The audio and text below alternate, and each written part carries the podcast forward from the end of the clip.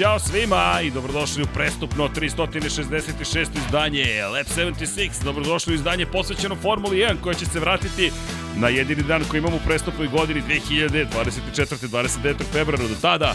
Pavle Živković u crvenoj majici, moj malenko, ček, ček, to malo bolje, malo smo jače bili, malo, to da. ti kažem. Paja u crvenim bojama, jesmo ispunili jedno obećanje? Jesmo, jer Lab 76 kasnimo, ali ispunjavamo. Pa zato i kasnimo. To ti kažem, ja- dok se, ma da, se važi, važi, da, ma do tebe, čovjek je ovde kao Totemić, 45 minuta, ali moja malenkost malo je menjala neke akcije, planove, odmah posle studija na avionče i šš, put Španije, malo da vidimo te novitete tamo na dva točka. Ajde, ako baš si Ako rešio. baš mora. Pa ne, vidi, već sam isplanirao. Idem posle u Barcelonu nešto poslom, pa i u Madrid i onda da spojimo sve u ta tri dana i vidimo se u petak na 99 yardi.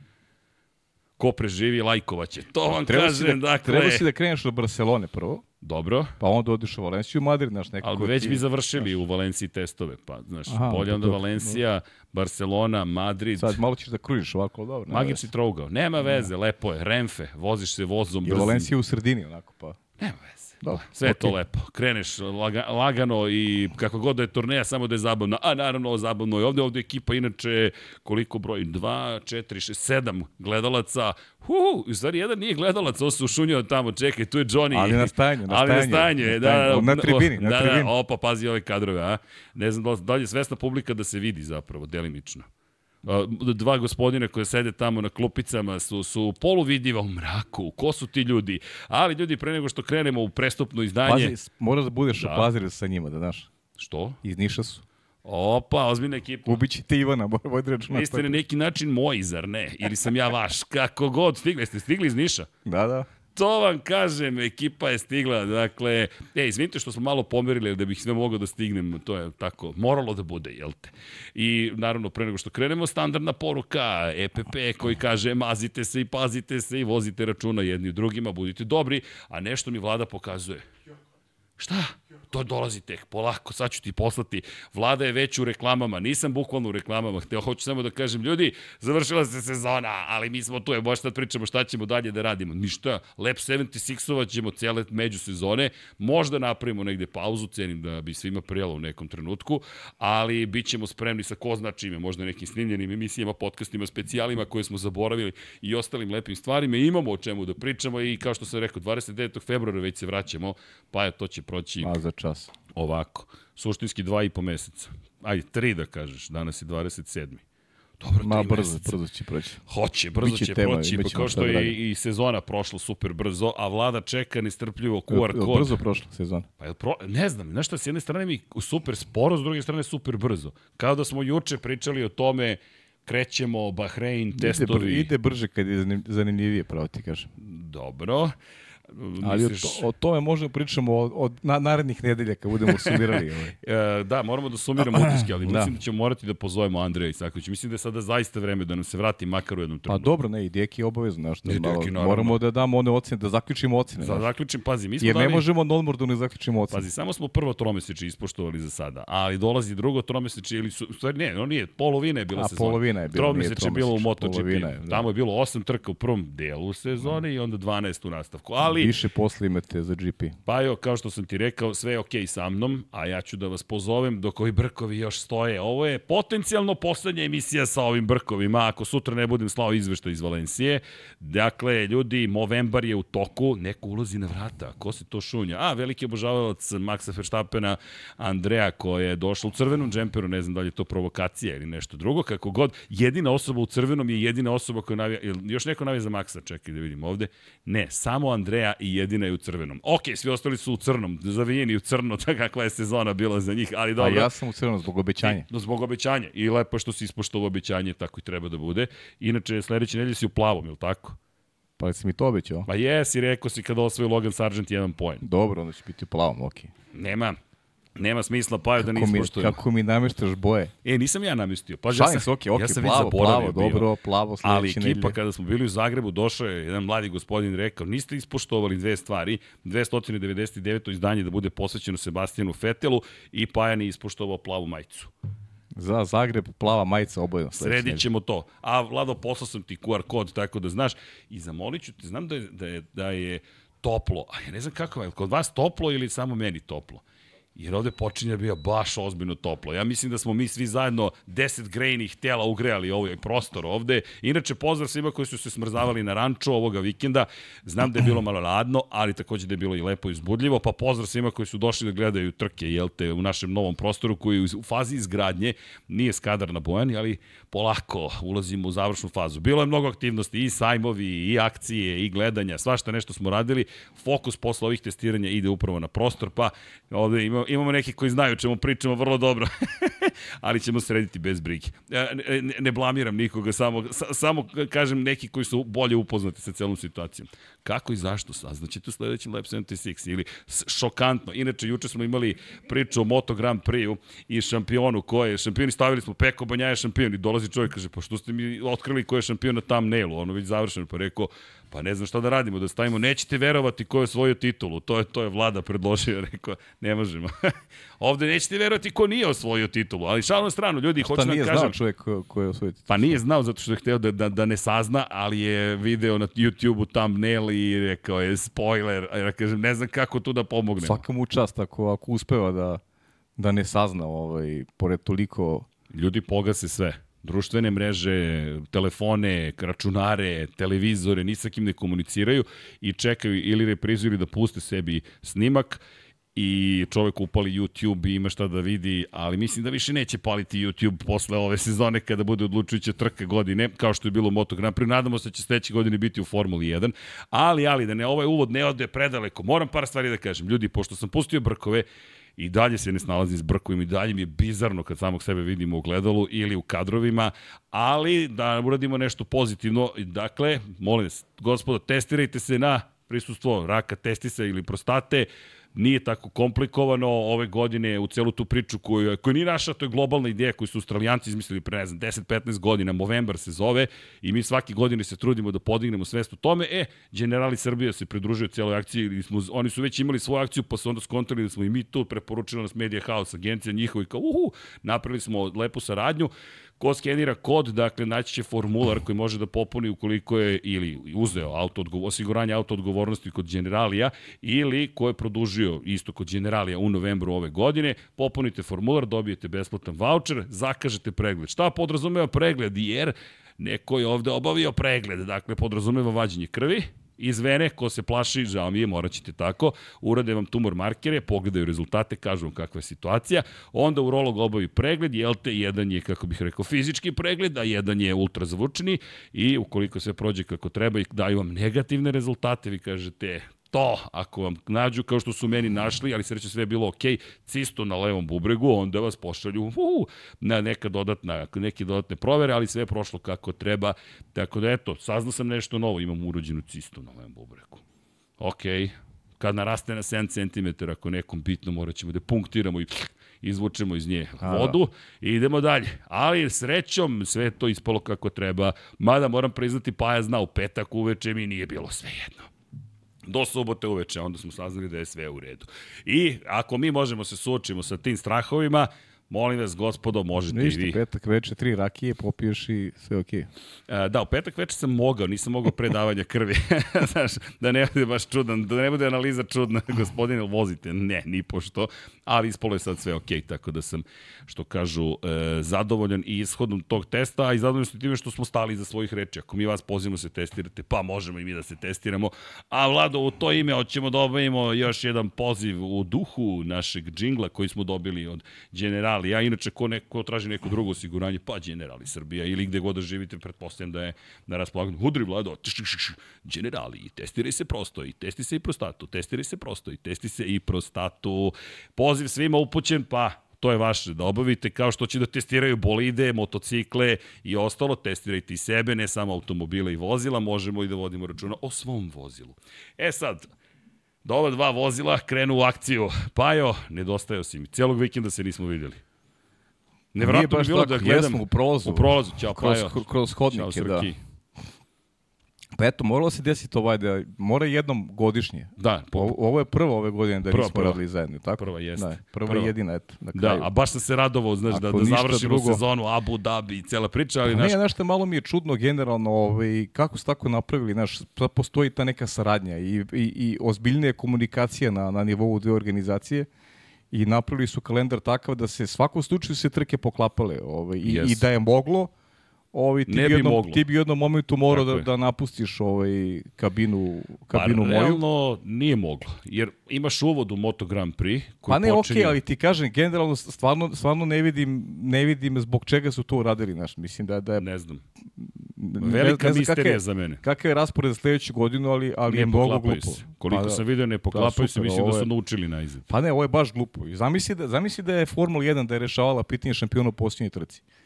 I ti sad uskraćuješ ljudima mogućnost da gledaju jedno i drugo, što je bizar. I ovako je bizar da, znaš, potpuno nepotrebno. Mislim da, da, da je, neko je tu uštinut, znaš. Da li Formula 1, mislim, Formula ima neke svoje fanove, mislim da je više trpi MotoGP, bez obzira što je sezona na kraju što je odlučivalo o tituli šampiona, ali, ali mislim da više trpi, jer ja sam, gledao sam trku u reprizi celu i video sam u Valenciji prazna mesta, bez obzira što se rešava pitanje šampiona. Znaš, ti su tribine bili ispunjene do posljednjeg mesta. Stvarno? Ni- Da, da, ja sam video prazne mesta. Moram pogledam ponovo, bilo je dosta. Da. Da. Rasporedite su bile ulaznice. Pa da, ali video sam praznih mesta. E, možda si možda u momentu kada je završena bila odluka o šampionu. Da Možda, su počeli možda. da napuštaju. Jer pre Možda. trke, veruj mi, sve je bilo puno. Možda. Ali mislim da su bili rezignirani ishodom koji je nekako prebrzo. E pa da, možda su Španci počeli da napuštaju trku i ranije, moguće, da Znaš, ima i toga, vrlo Pošto, moguće. za one koji ne znaju, valjda sad već znate, Francesco Banjaja je osvojio titulu šampiona sveta, da ne kažem odbranio, Jorge Martin izleteo sa staze, ali bizarno je zaista bilo da poslednja trka sezone se održava u isto vreme. U 14.00 po centralnom evropskom vremenu kreće Formula 1, u 15.00 kreće Moto Grand Prix, pri čemu i postoji uvod od nekih 35-40 minuta u samu trku Moto Grand Prix-a. I ne, meni iskreno, ovo sad, krajnje lično pričam, dakle, Pa- čekam da završimo sezonu i da vidim samo Paja kako prolazi, a onda krišem, palim TV, gledam Formula 1, šta radi, komentarišem Moto 2 Pa evo, ja, ću, ja ću biti iskren, ja sam u kabini kad je, kad je Formula 1, kad je trka negde raspletena u suštini, kad su obavljene sve promene, ja sam prebacio ovaj, i gledao sam, gledao sam MotoGP. A, a lagano. Pa da, najiskrenije, znači ono, gledao sam, komentarisao sam Formulu, a bato sam pogled ovde da vidim. Što da ti šta govori o sezoni. Formule 1. Pa ne, ne samo to, znaš, ali znaš kako ima, ja nisam neko to prati pomno, ali me zanima, uvek sam gledao, volao sam Rosija da i gledao sam titulu? i zanima ko će osvojiti titulu i prosto je događaj, znaš. Na, Ko ta bitka, sport, ti, ta bitka ti nameće ovaj da, da čak i neko ko ne voli hoće pogleda ili je direktna, direktna borba za titul i mislim da ne smiju da ponove ovaj, tako nešto više u buduće jer ima mnogo ljudi, a znamo ih i ti i ja koji, koji aktivno prati Formulu 1 i MotoGP ne samo na ovim prostorima, tako da je zaista je prema njima jedna, jedna nepravda učinjena. Pa i ne samo to, loš je poslovni potez ukoliko želiš Pa da jest. popularizuješ ili jedan ili drugi sport i Jest. da kažeš, e, baš nas briga što drugi radi, neko je to meni... Mo, mora da se baš razdvoje, mora da se razdvoje ta dva vikenda. Naš, naš MotoGP mora da završava sezonu u jednom vikendu, u sledećem Formula obrnuto, kako god. Samo, samo da se vikendi ne poklapaju. Mislim da će to od sada biti slučaj. U Pa, svakom verujem slučaju, Da, ja, verujem ja. Pa tako da više nećemo se razdvajamo. Da, mi. da, molim te. Bilo mi je čudno. Ovo, je, ovo je na intimnom nivou. Bilo mi je čudno, završamo sezonu i sedim ja u jednoj kabini, Paja u drugoj je tako blizu, a tako daleko. Pa da, ja sam bio u kabini 1, on u kabini 3. Mislim, to sa ljudima bukvalno... 1, 2, 3, na ćošku je trojka, iskreno, kec. iskreno, u Da. jednom momentu sam te čuo. Stvarno? Da. Pa kad je, kad je, kad je Martin, kad je Martin pao, tad, tad sam znao. Čuo sam ga da je kraj, nisam morao ni da gledam uopšte. Dakle, ima jedan zid, pa cela kabina, pa Da, još tako je. jedan zid i ti si je, tu, da. otprilike, i čuo se šta se dešavalo. I slušalice imam, pritom. I imam zvuk sa staze u Dubaju. Da, i pritom je izolovana je svaka kabina za sebe. Svaka je izolovana, ali... Znaš šta je možda? Možda zato što sam otvorio vrata, pošto je bilo mnogo vruće, neko je upalio grijanje na maksimum, ja se topio u kabini. Sam otvorio vrata i moguće da je kroz spoljne strane se Mislim, prodalo. ništa loše, dobro je, lepo je što sam te čuo. Znači, da, da, da, da, je da, energija, da je energija bila na... Vidi, energija je bila na nivou. nivou, A da, baš to, na to. visokom nivou. Ja se lepo zabavljao, ali kaže ti, nedostajao si mi. I onda gledam Abu Dhabi i naravno dolazimo do Abu Dhabija. Pa jo, 19. podcast, ovo je pozdrav za Zorana Šalamuna, našeg prijatelja koji je dobro. E, Može kadar na trenutak samo na paju da uzmem ovde da ubrusim. Mada nisu ubrusi nešto drugo, ali dobro, nema veze. Živi smo i zdravi, A, to je najvažnije. Ne, evo, možda ovo skrivena poruka. Obriši, obriši. Ne, nisu ubri, to, se zove obriši. možda je skrivena poruka. Čekaj, Vlada, daj kadar, vrati kadar. Ovo sam dobio umesto ubrusa sad. Ne, Pa, to dobro, tumači okej. koš kako hoće. Da, Ali dobro, to je sve u redu. Hvala, Andreja. sad ćemo da Bolje, kritikujemo Maksa. bolje, e, bolje, sad ćeš to, da vidiš. bolje to nego pelene da ti ono... A, Dobro, zabavi nikad kraja u studiju na kraju univerzuma. A taman sam hteo da se malo ozbiljimo, ali ne sad vredi. ćemo, sad sad ćemo, ćemo. sad ćemo. Kako da se ozbiljimo? Ljudi, ovaj čovjek je neuništiv, što bi rekao Bata Stojković, ali Max Verstappen zaista, ja ne znam, Ovo je naslov inače koji nam je Zoran Šalamon predložio tamo negde u Teksasu i nisam ga iskoristio i rekao, bit će prilike. I planirao sam u Las Vegasu da ga iskoristim kad ono nema podcasta, vozi ih kolima, jel te, do Bel- Belađa. I ja kažem, ok, ostaje samo da Max sad pobedi u Abu Dhabi da iskoristimo naslov Zoranov. Pa ne, znaš šta je, ovaj, kad budemo radili uh, analizu, znaš kako može se zove ova emisija? Kako? Priča o prvoj krivini. Pa, U, ali... A, može, može, može. Priča o prvoj krivini koja se ponovila tamo i u šestoj Pa, krivini, mislim, znaš. ali manje više ista priča. Bravo, Pajo. Isto sam razmišljao, razmišljao sam o to dve stvari kada je reč o, o ovoj trci. Ne znam da se slažeš. Prva krivina, puta dva, možda puta tri, ajde, možda, i gume. I to je to. Pa da, pa dobro, znaš, mislim i priča je, malo, malo me Leclerc u toj prvoj fazi, u prvih par krugova, je, je onako stavio pod malo veći pritisak Max, ali sam je rekao, potpuno iskreno na kraju trke da čak i da je prestigao Maxa da to ne bi ništa promenilo kada govorimo o ishodu trke, da bi mu on to vratio nekom sedmom, osmom, desnom krugu, nije ni važno, uh, sa DRS-om, jer to je to, to je ta priča o prvoj krivini i, i Maxu. Kad, kad završi kvalifikacije na, na poziciji 1, mi praktično znamo da nemamo, da nemamo trku. E, I to je to, nemamo trku za pobedu, ali i, i, i zbog toga i govorimo vrlo često u posljednje vreme da ova sezona se završila i ja se nadam da se više nikad neće ponoviti.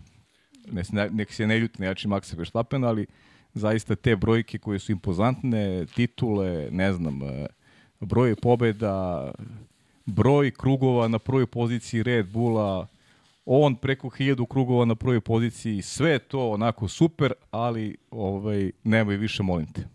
Kolega, da iskoristim ovu priliku, da nije ovo sumiranje sezone, ali kada se završi poslednja trka godine, morate neke stvari da ipak kažete koji je utisak o sezoni. Ja mislim da kadar, to je grafika koju nam je poslao takođe veliki navijač Maxa Verstappena sticam okolnosti, Aleksa Vučaj, sve govori. I za one koji nisu gledali trku, a i novinarski je, 19. pobeda u 22 trke ove sezone za Maxa Verstappena. 21. od 22 Red Bulla. Ja ću pročitati za one koji su na audio platformama broj trkačkih krugova ove godine. 1326. Da. Max je odvezao sve, Sve, krugove. da. Samo dva čoveka u istoriji su do sada to postigla. Jedan se zove Lewis Hamilton, jedan se zove Michael Schumacher. Ukupno odvezenih kilometara 123.598,9. Ukupno dvoj odvezenih krugova, dakle i treninzi i sve ostalo 24.380. To sve sva, max pričamo. Ukupno odvezenih, kada je reč o Verstappenu, 6.702,78. Krugova u vođstvu, Max Verstappen, 1003 kruga u vođstvu kilometara u vođstvu 4910,39. Pobeda 86,4 od 100. Broj podijuma 21. Ono što je meni fenomenalno, ko je na poziciji broj 2 je impresivno. Fernando Alonso 8 puta na pobedničkom postolju, Sergio Perez 8 puta na pobedničkom postolju, pa onda Lando Norris 7, Charles Leclerc i Lewis Hamilton po 6, 3 puta Carlos Sainz, po 2 puta George Russell, Oscar Piastri, nazdravlje, Esteban Ocon, Pierre Gasly, Sergio Perez po 1 i onda možete dole da vidite odvezenih kilometara po timu i tako dalje i tako dalje zaista zastrašujuće jednostavno i ono što je učinio Max Verstappen zajedno sa Red Bullom i što ti kažeš da je nezamjereno navijači Maxa Verstappena. Nemamo ništa protiv da nek osvaja koliko god želi titula. Samo nek nam da Pa to, malo trkanja. Znaš kako, to ti je malo i neobjašnjivo naš za vreme teh, tehnološkog u kome živimo da da um jednog čoveka toliko može da da ovaj bude upečatljiv u odnosu na na na drugog, znaš, na na na- znači u fazonu sa ja skupljamo neki neki neki dinar za za inženjere po celom svetu da se malo uključe malo u Ferrari i Mercedes. Dajte izazov, pobedite Adriana Newey ili mu se približite, uradite nešto tom čoveku da da ovaj da on ne bude ovaj toliko iznad ostalih. Jel ima neko možda mu parira ovaj, u, to, u tom pogledu? Znaš? A, a na sve to dolazimo onda i do maksa. Znači, cela naš simbioza svega je dovela od toga da imamo jednu sezonu koja je impresivna iz pozicije jednog tima, a opet s druge strane nama, neutralnim posmatračima, uh, negdje i dosadne jer je toliko predvidivo, jer ti možeš vrlo lako da predvidiš šta će se desiti i nisi otkrio Ameriku, nego prosto uh, to je to je to i znaš šta će da gledaš. I to je ono, vraćamo se na onu eru, sećaš se Lewis Hamilton, onaj period u Mercedesu, kada smo se hvatali za glavu, bukvalno ulazimo u kabinu i znamo šta radimo, znaš, bez obzira što, što to možda nije ni profit da pričam, ali tako je, prosto uh, sedeš na, rad, na radnom mestu i ti znaš šta ćeš da gledaš. E, to je nešto što, što ne inspiriše, da, lepo ti je jer voliš taj sport, nije sporno, ali opet s druge strane težiš nečem zanimljivijem, težiš da, da, da, da, da prosto ljudi koji učestvuju u tom šampionatu i oni budu malo, da budu, ajde, napredniji, da budu kvalitetniji u pripremi onoga što je njihov konačan proizvod. I ja opet se nadam, kao što sam se milion puta nadao i do sada, da će rivali malo naučiti nešto iz cele priče i da sledeće godine nećemo pričati o, o dominaciji jednog čoveka kako god se on zove. Citiram. Lewis Hamilton, zabrinut je da je Red Bull prestao da razvija ovaj bolid u avgustu ove godine. To je rekao sedmostruki svetski šampion, čovek koji predstavlja zajedno sa Georgeom Russellom Mercedes, ukoliko je to istina, a po onome što smo videli na stazama, poslednji put jesu doneli unapređenje u Teksasu, nije baš u avgustu, ali Pajo, oni kao da nikad nisu bili kažnjeni za prekršaj budžeta od pre dve godine, smanjenima i količina vremena koje mogu da posvete zapravo testiranju u... Šta bi bilo da nisu, šta bi bilo da nisu kažnjeni? Ne znam. Ne znam, ne znam da li ih je ovo inspirisalo da nađu neka druga rešenja, pričali smo o njima, ta testiranje zapravo unutrašnjih delova kada je reč o virtualnom vazdušnom tunelu koji imate neograničeno vreme na raspolaganju, za koje imate neograničeno vreme. Mi smo došli do toga da zapravo se svi plašimo sada kao Mercedesa što smo se bukvalno pribojavali šta je sledeće. Double access sistem, sistem sa dve osovine, ne znam, hlađenje točkova, ne znam, Mercedes koji ima 60 konjskih snaga više na početku hibridne ere. Dakle, milion nekih stvari da su se dešavale, sad je to sve u rukama Red Bulla i se pitamo, jel neko može da zaustavi Adriana Newey? Pritom imali su Mercedes uh, Niko Rosberg koji se oteo kontroli pa se malo ovaj, i borio sa Lewisom Hamiltonom, pa se ti onda imaju tu neku bitku unutar ekipe, pa onda imaš Lewisa Hamiltona koji osvoji titulu, ide na žurke, više, znaš, pa onda omogući nekom drugom da pobedi, ti imaš ovog momka koji je apsolutno posvećen samo, samo ovome. samo ovome i on živi, živi Formuli 1 i, i, i, ne daje ništa, ne daje nikakve mrvice ovaj, rivalima. Al pa jo... I ono što mi je interesantno za, za Abu Dhabi, Srki, uh, Abu Dhabi je nekako, nekako najava, možda i najlepše mesto ovaj, Red Bulla, najznačajnije mesto za Red Bull. 2010. godine Sebastian Vettel je uveo u ekipu jednu eru dominantnu uh, sa četiri osvojene šampionske titule i to i to u trci koja uh, nije baš bila nacrtana da će Red Bull osvojiti. Više smo gledali tada ka Alonsu, gledali smo čak i ka Lewisu Hamiltonu, ali je na kraju Sebastian Vettel uzeo titulu i, i osvojio je kasnije još tri za redom. Dakle, Red Bull je u Abu Dhabiju započeo tu, tu šampionsku eru. Ti sad imaš 2021. godinu direktan duel Maxa i Luisa, gde Max opet uzima tu prvu svoju šampionsku titulu i šta se dešava posle Abu Dhabija? Imamo novu dominantnu eru Red Bulla, još dominantnije nego što je bilo u slučaju Sebastina Vetela i prosto joj se ne nazire kraj. Ajde sad da smanjimo ovo, ove, ove želje koje imamo. Uh, šta ti realno očekuješ sledeće godine? Šta očekujem?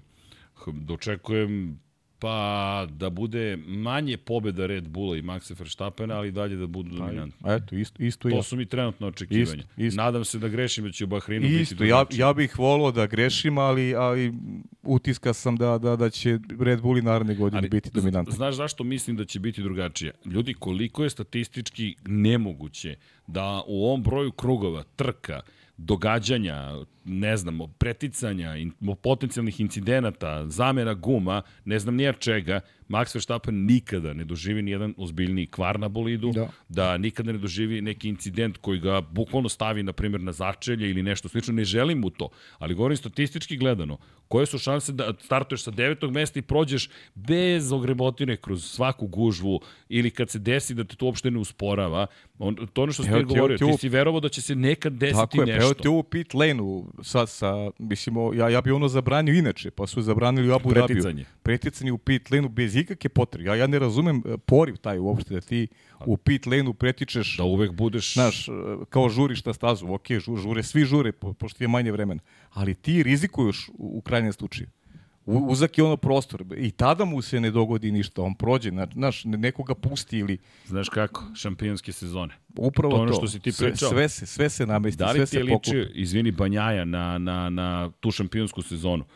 Za one koji nisu gledali Moto Grand Prix, upozoram, malo ću da vam pokvarim možda zabavu koliko ste planirali.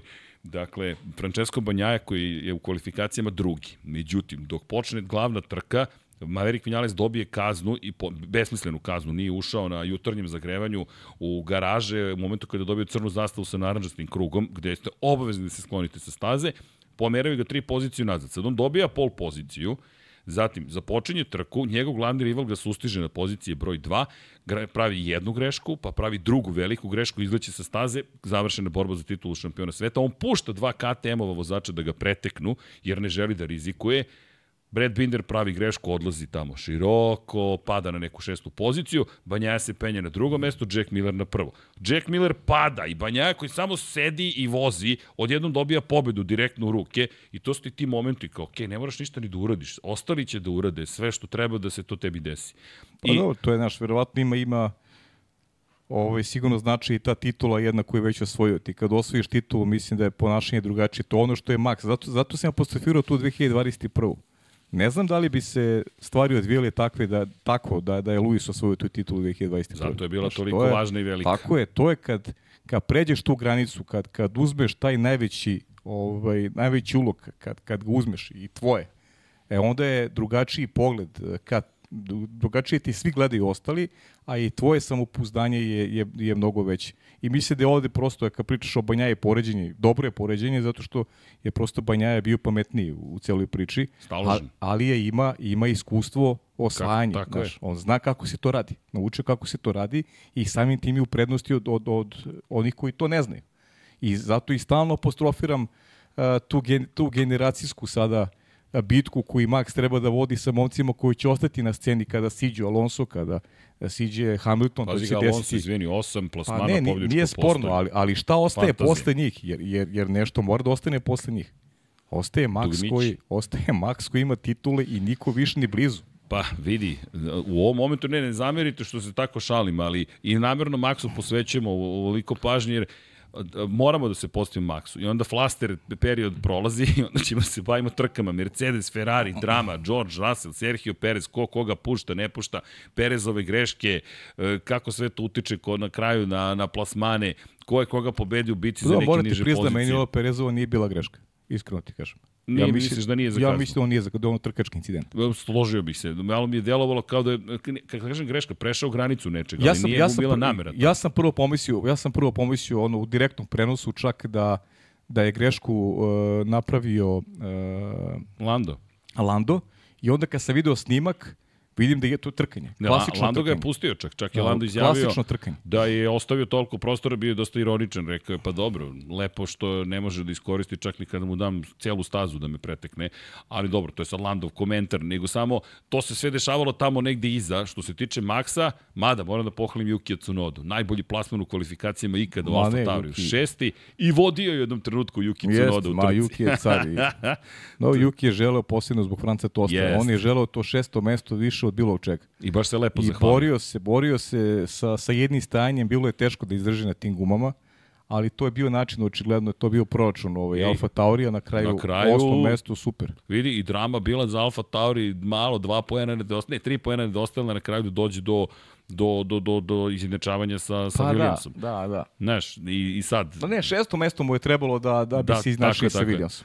E, onda se gledalo u pravcu Ricarda, Ricardo na kraju je bio 11. i nije Ricardo tu dao neki svoj veći doprinos, ali Yuki, Yuki ako je došao Ricardo, ja ti kažem, meni je Yuki ostavio jači utisak ovaj, u celoj priči, mislim da je njega inspirisao dolazak. delo je kao da ga to motivisalo. I da je nije napravio, "Ok, znaš, znaš gde su oni, oni su zbog one greške e, Jukijeve su izgubili to sedmo mesto. U Meksiku, kad je bio nestrpljiv. Da, pa, samo samo da je to, njegovo nestrpljenje, da je to završio, oni bi bili na kraju sedmi. Ali Williams se izvukao. I Williams kao poslednje dve trke nije osvojio ni jedan jedini poen. Međutim, Juki mi je bio neko mala velika zvezda. Znaš, šesti u kvalifikacijama i sad ide startni pored, gledao sam u snimku i ti vidiš Juki koji štrči tamo u onoj grupi, Lando, Norris, Oscar, pa, Piastri, da, znaš, George Russell. Juki je sačuvao to šesto mesto na početku. On nije Fantazija. Izgubio, on nije izgubio pozicije uopšte. On, on kroz trke tek u finišu ostaje na tim starim gumama i nije mogao da se brani od Alonsa, uh, ko, koga još na kraju?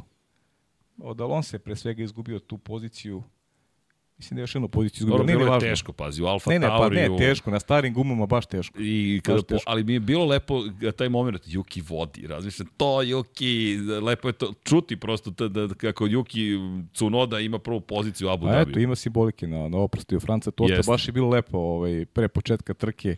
Lepo su ga ispratili. Svi, svi su ga, da, svi su ga ispratili i, i onako dobio ljubav i od vozača koji su prošli kroz Toro Rosso, kroz celu, celu tu priču. Max je na kraju, čak na kraju trke, kad je pobedio, je, je u radiokomunikaciji ovaj, spomenuo i, i, i Franca Tosta. To mu je prvi šef bio. Tako je. I baš... Lepo, pa mnogima je bio lepo, prvi šef. Pa mnogima, da. Mnogima. I Ricardo je pričao o superlativu Francu Tostu i ne znam, Sebastian Vettel bi sigurno imao šta da kaže takođe da, da, da nije Sebi u penziji. Dobro. E, Ali ne, mislim, dobar deo sebe je utkao Franz Tost u sve ono što je danas Red Bull. Inače čovjek koji je rekao, ja ne idem ljudi u penziju, ja samo neću ovo raditi, ali imam 4-5 već projekata spremnih na, na kojima počinjem da radim već od ponedeljka. Danas ko zna gde je Franz Tost, šta radim, i mu želimo uspeha svakako, ali lepo je bilo gledati i još jednog Austrijanca na visokoj poziciji menadžerskoj, koji je eto, definisao kao Toro Rosso pre svega, pa Alfa Tauri, jedan period u Formuli Formuli 1. Ne zaboravimo pobedu Pjera Gaslija no, Fran, i Sebastiana Franz Fetela. to se radi u Williamsu takođe. Jeste. Da, Iskusan. O, ovo je ti koliko, 18 godina praktično kao juniorski tim Red Bulla i, i stvarno je mnogo toga kvalitetnog, pa mi, imaš Alex Albona, imaš svašta, ne znam, on je preuzeo Minardi, pretvorio ga u više, tim. Više od pola grida je, je, je prošlo kroz ruke Franca. Koje daje ove šanse. Meni je bila baš, to, to mi je neko bila najemotivnija scena, ali moram da, da, da, da pohvalim Maxa Verstappena za par stvari. Pa jo, ajmo ovako, da je slažem se s tvojom konstatacijom, osvojio titulu, menja se pogled i tako dalje. Ali isto tako, razumem i, i, i izjavu Leklera da ništa se suštinski ne bi promenilo, da je u nastav, da ga je pretekao na početku. Ali ja i danje mislim da kada se ukaže prilika, moraš te male pobede da, da stvaraš. Pa znam, ali, moraš da ih ali, ostvariš. Mislim, ja stvarno nemam, nemam nikakav problem sa, sa Leclerovom trkom, jer on je probao to da uradi, nije uspeo samo. Ali kako nije uspeo? Znaš, to je ono što je meni fascinantno. Da li Max na njegovoj poziciji bi odustao od, od tog duela? Jer vi, kada pogledaš Lekeri, baš uslovno rečeno nežniji bio. Nije hteo da ulazi prevelik rizik. A Max seti se suprotne situacije u Las Vegasu. Pa Max dobro, ali, samo nastavio ali pravo. samo ti kažem, ovo je baš bila specifična trka u pogledu najave. Leclerc u startu rekao će raditi za ekipu i će pomoći timu da budu da budu drugi u, u šampionatu, u šampionatu konstruktora. I očigledno da mu je to da mu je to bilo negde Prioritet, bitno, okay. da mu je bilo bitno. Fokusirao se na to, video je da ne može, probao je, probao je, ono što i bilo lepo gledati tih prvih par krugova. Mislim, znaš kako, govorimo i tokom godine. A, va, a, volim da vidim želju i, i, i pokušaj da se, da se nadigra najveći rival. To je Leclerc radio, a opet kažem ti s druge strane razumem i mnogo mi sviđao taj pristup u finišu trke gde ne ekipa, nego on sugeriše timu šta treba da uradi duelu sa Perezom da bi oni došli drugu poziciju u konkurenciji konstruktora. I tu onda dolazimo i do Kristijana Hodnera koji se ubacio i rekao ključnu stvar da je nisu samo posao odrali do kraja. I baš, je, I baš je to suština. On je dao DRS e, čeku, dao mogućnost da napravi razliku, ali je trebao da uspori i da, i da pokuša da blokira uh, Rasela. Na taj način bi Čeko došao do tih 5 e, sekundi viška i uh, sve je bilo kako treba po, po Ferrari. Dakle, nisu, nisu radili kompletan posao. To sad možda bude malo onako packa ovaj, Kristijana Hornera Ferrariju, ali mislim da je čovjek apsolutno u pravu. Znaš. Mislim, pričamo, pričamo u suštini. E sad, uh, da li je Ferrari mogao to da kaže Lecleru? Jer konstantno mi ne znamo da li to samo komunikacije koje nam puštaju u etar. Uh, stalno se čuo Lecler. Lecler je traži uporno da mu se da vreme koliko je, kolika je razlika između uh, Čeka i Rasela, jer hoćemo u drugom mestu konkurenciji konstruktora. Nije se tim obraćao Lecleru, nego Lecler timu. Ali opet moram da se dotaknem Ferrari kao Ferrari, tako mi deluje i kada se ukaže neka prilika kao da ne, ne mogu da se snađu u datom trenutku, kao da opet ona ista priča. Šta smo pripremili, to smo pripremili. Neću da kritikujem, ali bih stamo da ukažem da ne bude da samo kritikujemo Ferrari. Gde mogu da budu bolji, rekao bih. Jer možemo da bacimo pogled na strategiju, molim te, Vlado ne, čak ni na strategiju. U stvari može prvo strategija pa ćemo posle. Pazi ovo, Verstappen menja u 16. krugu sa srednje tvrdih prelazi na, na tvrde. Leclerc prelazi takođe na tvrde. Leclerc u 35. prelazi na drugi set tvrdih, u 43. prelazi Verstappen na drugi set tvrdih. E sad, može kadar na setove guma pre trke. Zašto mislim da je ovde Ferrari mogao da odradi bolje? Sad, očigledno da je strategija bila takva da se, evo, ovo, mi je, ovo je meni bilo negde ključno, rekao bih, za, za, za trku Charles Leclerca po dva nova seta tvrdih guma, Verstappen, Perez i Leclerc, po jedan set novih srednje tvrdih guma i Verstappen i Perez i Leclerc. Šta smo videli tokom godine? Mercedes je znao da se tokom treninga tako pripremi da se opredeli za drugačiju strategiju. I videli smo na prethodnim trkama i u Las Vegasu, kada je na srednje tvrdim Ferrari, mnogo je konkurentniji nego na tvrdim. Pa Kako da. stave tvrde, tu je kraj. Ali znaš te problem? Ono što nisu očekivali. Prošle godine ste imali trku popuno drugačiju. Vodeći su imali trku s jednim stanjem. Srednje tvrde tvrde. Ove godine potrošnja srednjih tvrdih bila mnogo veća na očekivanju. Ja sam mislio da ćemo ove godine gledati trku s jednim stanjem, međutim svi su se žali na potrošnju da, srednjih tvrdih. Da, vrlo brzo I zbog zapravo. toga, zbog toga opet sad opet imam tu malo Znaš, razumem šta hoćeš da kažeš, ali sad ne znam da bi se Ferrari prilagodio drugim uslovima, sumnjam s obzirom na a, to kakve ime godina. Ovde mislim da nije bilo, nije bilo povoda. Mislim da su više pogrešili sa Saincem. Znaš, Sainz imao a, tvrde, tvrde. I to je bila to je bila pogrešna pa priča. Baš kao baš kao baš kao e, prošle nedelje Oskar Pjastri. Tvrde, tvrde i onda su ostali do kraja, čekali su, nadali su se sigurnosno vozilu. Pritom, stvarno je bilo materijale. Ti u poslednjih pet godina imaš tri izlaska sigurnosnog vozila u Abu Dhabiju, imaš tri puta, e, tri puta virtualno vozilo bezbednosti, a ove godine Ali čista koga trka. nema? Da, nema Latifija, tako je. Koga nema u Abu Dhabiju, tako da nema pa da, ni vozila bezbednosti. Nadali smo se svi da će Sargent doredi svoje posao, znaš. šta šta? Nadali smo se Sargentu. Ima Sargenta, e, nije Sargent Latifi. Žalim se, naravno. Da, tako ali... da ta potrošnja srednje tvrdih je, mislim, dovela od toga da, da znaš, nisi imao mnogo prostora za, za manevar, zbog toga su bile srednje tvrde, pa dva puta tvrde. Ali Sainz je, meni je više sporan Sainz. Meni je Leclerc nije sporan. Ako ti stvarno imaš a sudeći po Lecleru, njima je bilo važno da budu drugi u šampionatu. Dobro, znači, da je fokus imaš, samo na tom. Imaš svoju bitku, on je rekao i pre trke, da je fokus na to da, si, da je bio iznenađen uopšte kvalifikacijnim krugom drugom, drugom pozicijom, da je fokus bio pobediti Mercedes. E sad, ako hoće pobediš Mercedes, mislim da strategija Sainz je bila potpuno utopija je bila. Znaš, dva puta na tvrde gume je, je stvarno bio pakao. On je, on je dečko čekao bukvalno do poslednjeg kruga. On je čak imao meke se, gume na raspolaganju. Nove. Imao, imao i meke na Inače, raspolaganju. niko nije koristio on, meke. On je, on je završio trku, on se nije ni vraćao iz boksa kad je otišao na promenu guma. Oni su da, da, pa, parkirali vozilo. Kad se pogleda strategija, Vlado, ako možemo ponovo strategiju da vidimo, ti vidiš prosto situaciju koju Sainz kao stavio crvene gume. Zapravo da. ih je samo stavio, ali nije se ni pojavio. Ne, nije se pojavio. Niko nije vozio krug na crvenim gumama. To su C5 gume. Inače, C3, C4, C5 su pneumatici koji su doneti u Abu Dhabi. To su najmekše gume koje Pirelli ima na raspolaganju. I da, drugačija strategija nego prethodnih godina, ali svi manje više su od vodećih išli na gotovo isto, samo u različitih da. krugovima. Srednje tvrde, tvrde, tvrde i jedini izuzetak Cunoda sa tim jednim stanju i svaka mu čast. Ja ono što, znaš, zaključio bih ovo sa, sa Leclerom, kažem ti, ovaj, i, i, i dobra percepcija trke i načina koji razmišlja u momentima kada on ima to drugo mesto, on razmišlja o ekipi.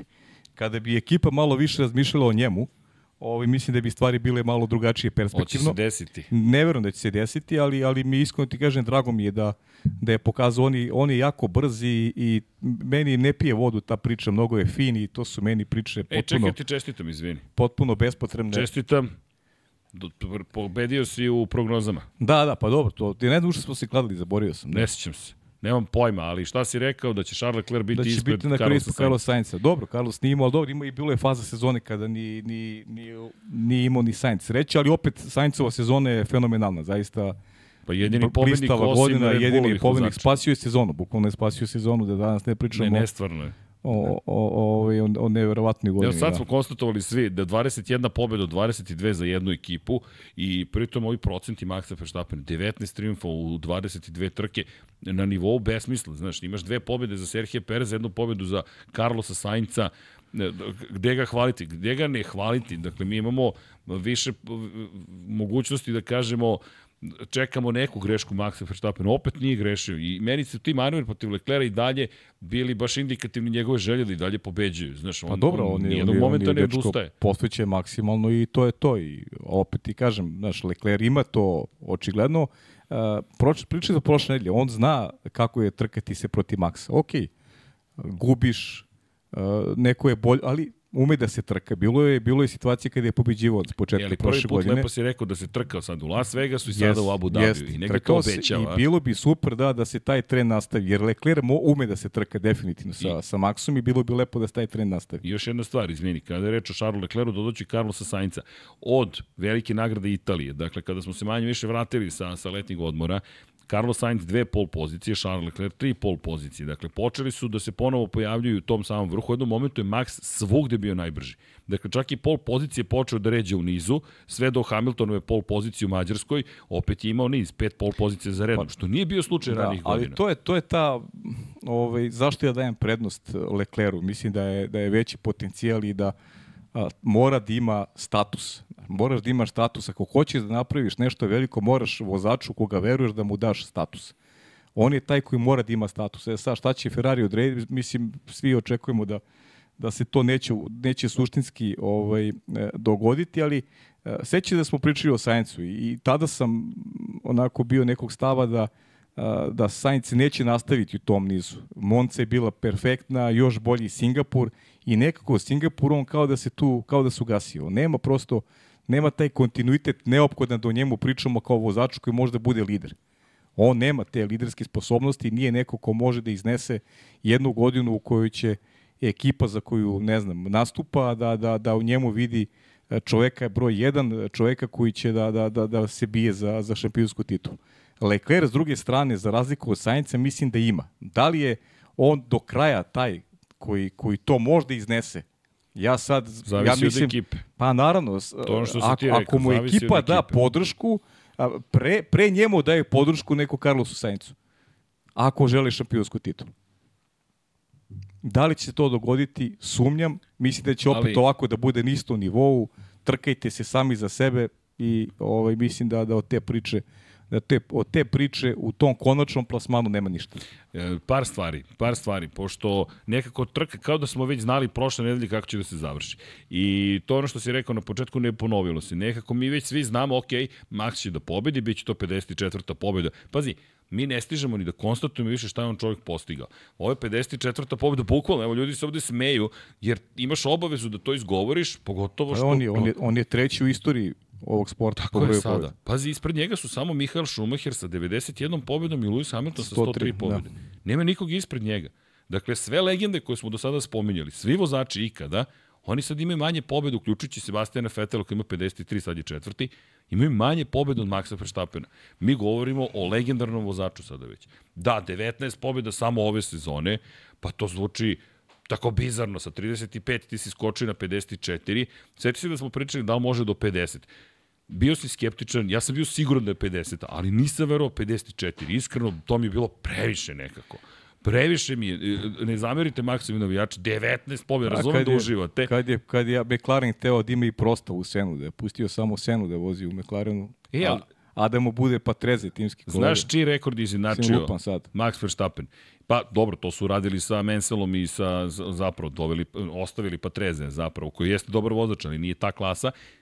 1003 kruga u vođstvu, to smo već konstatovali. Prvi vozač u istoriji koji ima više od 1000 kruga da, u vođstvu u jednoj sezoni. Pa cijela ekipa preko 1100 ali, krugova. Da, ali pazi, to je McLaren nekada davno imao kada su to zapravo podelili između sebe Sena i Prost. Ali mi sada pričamo o čoveku koji inače, pazi ovo, uh, se sećaš sredine sezone kad smo diskutovali da li hoće rekorde, neće rekorde. Pa je on na kraju je priznao da je on zapravo hteo strategiju koja će mu doneti 1000 krugova u vođstvu. Sada je već i on otvoreno govori o tome, oni se igraju. Sad šta je sledeći cilj? Jer ne znam koji cilj može da imaš. Osvojio se tri, tri titule šampiona sveta, ne ideš na žurke kao Lewis Hamilton, nemaš noćne provode, Sad svako bira šta u čemu uživa u životu, to nije osuda nego on, konstatacija. Oni, oni najbolje pokazuju ostatku sveta ovaj kako se šta, šta se radi da bi došlo posvećenost. Pa da, ali mora Potpuna pa je. treba da imaš projekat svoj.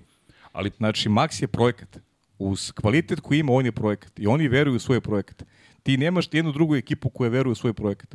Imaš Ferrari Ali- prvi. On, oni, oni nisu verovali u projekat Sebastiana Vettel, nisu verovali Ali- u projekat ali meni- Fernanda Alonso. Znaš šta, ovo meni prevazilazi to. Znaš zašto mi prevazilazi? Mi smo došli do stadijuma, sve si osvojio. I sad, koliko puta popustiš u situaciji, ej, pobedili smo, krene Pa je- klasično puštanje, Pa znaš, to, krene taj to, moment, to je karakter. pa ni ne moramo da pobeđujemo ovoliko. Ne, još više. Dakle, da on zna da vozi za Pa hiljadu dobro, krugovo Srki, to je karakter, to je pojmanje života, pa to je, znaš, to su drugačiji karakteri, očigledno su mentalni sklopovi Luisovi Drugačiji su i Maxov. i u Formuli 1. Pa da, potpuno su drugačiji. Luis i Maxu, znači možda pričamo o stilu vožnje, o, o onome učinku na staze, ali očigledno da pojmanje života je, je, je drugačije na, na, na toj relaciji. Meni je ta izjava da je on svesno sa Jean-Pierre Lambiasem, njegovim GP-em, jel te, glavnim inženjerom, radio na tome i on je rekao, samo sam se plašio da me ne uvedu prerano na zamenu guma, jer će onda biti, da, pobedit će, znaju da će pobediti, ali neće voditi dovoljno. Jer, pazi, samo tri kruga su nedostajala da, da ne bude hiljadu krugova u vođstvu. I to, to je sa njihova diskusija. Diskutuju o tome kako da mi osiguramo rekord. Još jedan rekord. Meni je to fascinantno. Kao onaj moment, ej, hoću najbrži krug trke. Hoću najbrži krug. Ajme stavite na meki gume za poslednji krug. Nemoj, Max. Ajde, imamo pobedu rukama. Pusti sad, to još titula nije osvojena. Ne, stavite mi. Ajde, evo ti crvene gume. I on napravi najbrži krug trke. Sad, tako sad hiljaditi krug i ti sad dolaziš do opet one priče, ponovit ćemo se, ali tu ću i da stanem samim tim u kontekstu toga ko će da ga pobedi, ja ne znam. Kako da pobediš čoveka koji je osvojio sve, onda kaže daj još. Daj mi i rekorde. Ko je? Besmislene rekorde. Ko, se, ko je? Kad smo pričali o hiljadu krugova u vođstvu, pa je? Koji je to rekord koji si izvukao? Iz koje knjige rekorda si ti izvukao koncept hiljadu krugova u vođstvu? Znaš, kome to padne na pamet? Aleksi Vučaju, našem, otprilike, znaš. Kao, ali to je sad, i ti ja smo u jednom momentu počeli da gledamo najbesmislenije rekorde. Uzastopni broj pol pozicija, uzastopni broj najbržih krugova. Znaš, Max Verstappen je ali, da bude pa, svugde. ti, ali vidiš, ovaj, meni recimo to ne bi značilo ništa, znaš, to ti Ali sad, to ti govori. To ti, je, to ti je sad stav čoveka, znaš, meni to ne bi I značilo ekipe, ništa, i ekipe. i ekipe, znaš, ali opet ti pričam, to je projekat, znaš. Našli Projekat su se dva, čega? dva Obrisat će projekta, sve. Pa dobro, dva projekta koje su, znaš, spojili su se, Red Bull, Max, očigledno da su idealni partneri, znaš. Teže, teže nečemu što je, što je ovaj, ne znam, neki, neki vrhunac onoga o čemu oni, o čemu oni razmišljaju. Ali o, o- ono što je jako bitno, znaš, Ma, Max, pitanje da li bi mogao bez Red Bulla da bude ovo što jeste.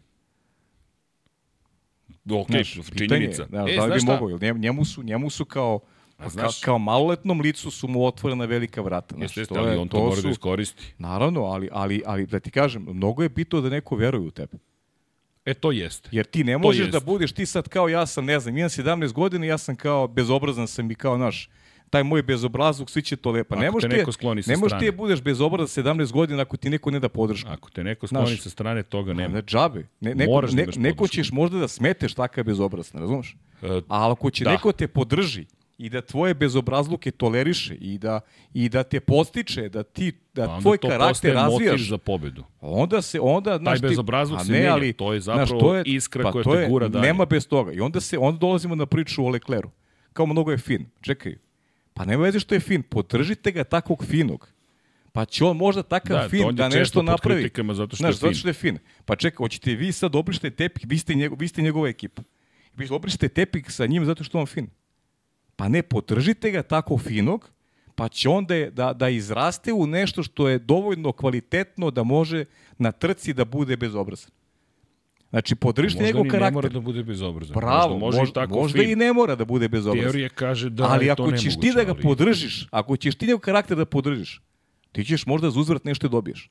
Ako ćeš ti njegov karakter da stalno nešto ni podaštavaš i da, i da nestaneš uz njega onda kad je njemu to potrebno, pa ti samo njega ubijaš u pojam i dovodiš ga do, do, do toga da, da e, on neke svoje misli usmerava ka stvarima koji nisu njemu Pa evo, korisne. šta su nama rekli kad smo krenuli da radimo podcaste o Formuli 1? Da to nemoguće, Pa da ne znam to manje su. više Pa evo, besmisleno. pri, pritom, aj, aj, pričamo iskreno ti. Iskreno šta sam ja pričamo. tebi rekao si mi, kad si mi rekao da ćemo da radimo podcast? Isto. Ništa nisi ni rekao. Pa niste rekao, lu, zalupio sam ti vrate. E, ali, ali isto tako si rekao, čekaj, Ali, sa, ali dobro, na, video- na, na, drugi poziv, na drugi poziv, kad, kad sam vidio da si snimao sam u šumi negde, kad, kad je krenuo u studiju, ja sam rekao, Srki, Ajmo. ajmo da radimo. Ajmo Evo, da tu radimo. smo, ali, Tu smo. ali iskreno, znaš, Znači, trebala je, uh, opet, uh, opet pričamo o toj nekoj Dobro. reakciji, odnosima, neka Šašavost, podrška. šta god. Ali Znaš, tvoja podrška je bila neophodna. Pa dobro, Jer ovog ne bi kapiram. bilo bez tebe. Pa dobro, sad, Znaš. znaš, šta bi bilo kad bi bilo, Pa, nebitno, sad smo došli smo šumi. tu gde jesmo. Je, da. tu, tu, tu smo gde smo, ali, ali kažem ti koliko je na tom nekom ljudskom nivou, pogotovo ti ja smo već ono, uh, matori ljudi, ali, ali ti pričam ti o, o, o Ovo je klincima. deo iza kulisa koji nije tako zabavan. Znaš, pričam ti o klincima kojima je podr, po, potrebna podrška. Ti moraš karakter nečiji, moraš da ga moraš da ga postičeš, moraš da mu, da mu pomogneš, a, A ne da ga guraš ti- po tepi. A i jasne poruke mora da dobije. Da li si ili nisi, to ti je ta čuvena priča. Ali meni, meni je samo fascinantno i zaista hoću da istaknem namerno to što to je te Maksove izjave. Jer one nekako prođu kao da su nevažne. O, ono, ovlaš kao neka izjava hiljadu kruga. Ne, mislim da je to mnogo velika izjava.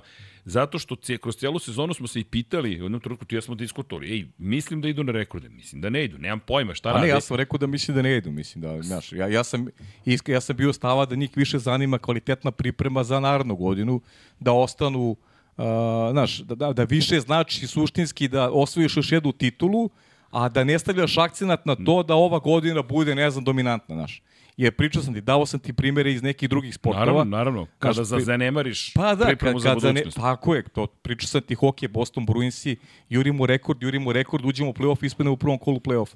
A ostanemo istorijski upisani nisu zlatni ispali. sloj. Ovi nisu ispali, ali, znaš, kažem ti, e, ja, ja stvarno se nadam da, da ovi drugi, znaš, koji su pripremali onako možda malo više akcentovali sledeću godinu, stvarno se plašim da, da ne da bude baš ovako, ali da opet bude onako neka polupredvidiva, ne do kraja, ali da bude polupredvidiva. Možda se više pobeda vozača koji nisu ovaj, u sistemu Red Bulla, ali, ali neko se plašim da, da, suštinski, da suštinski nećemo dobiti neke, neke velike promene.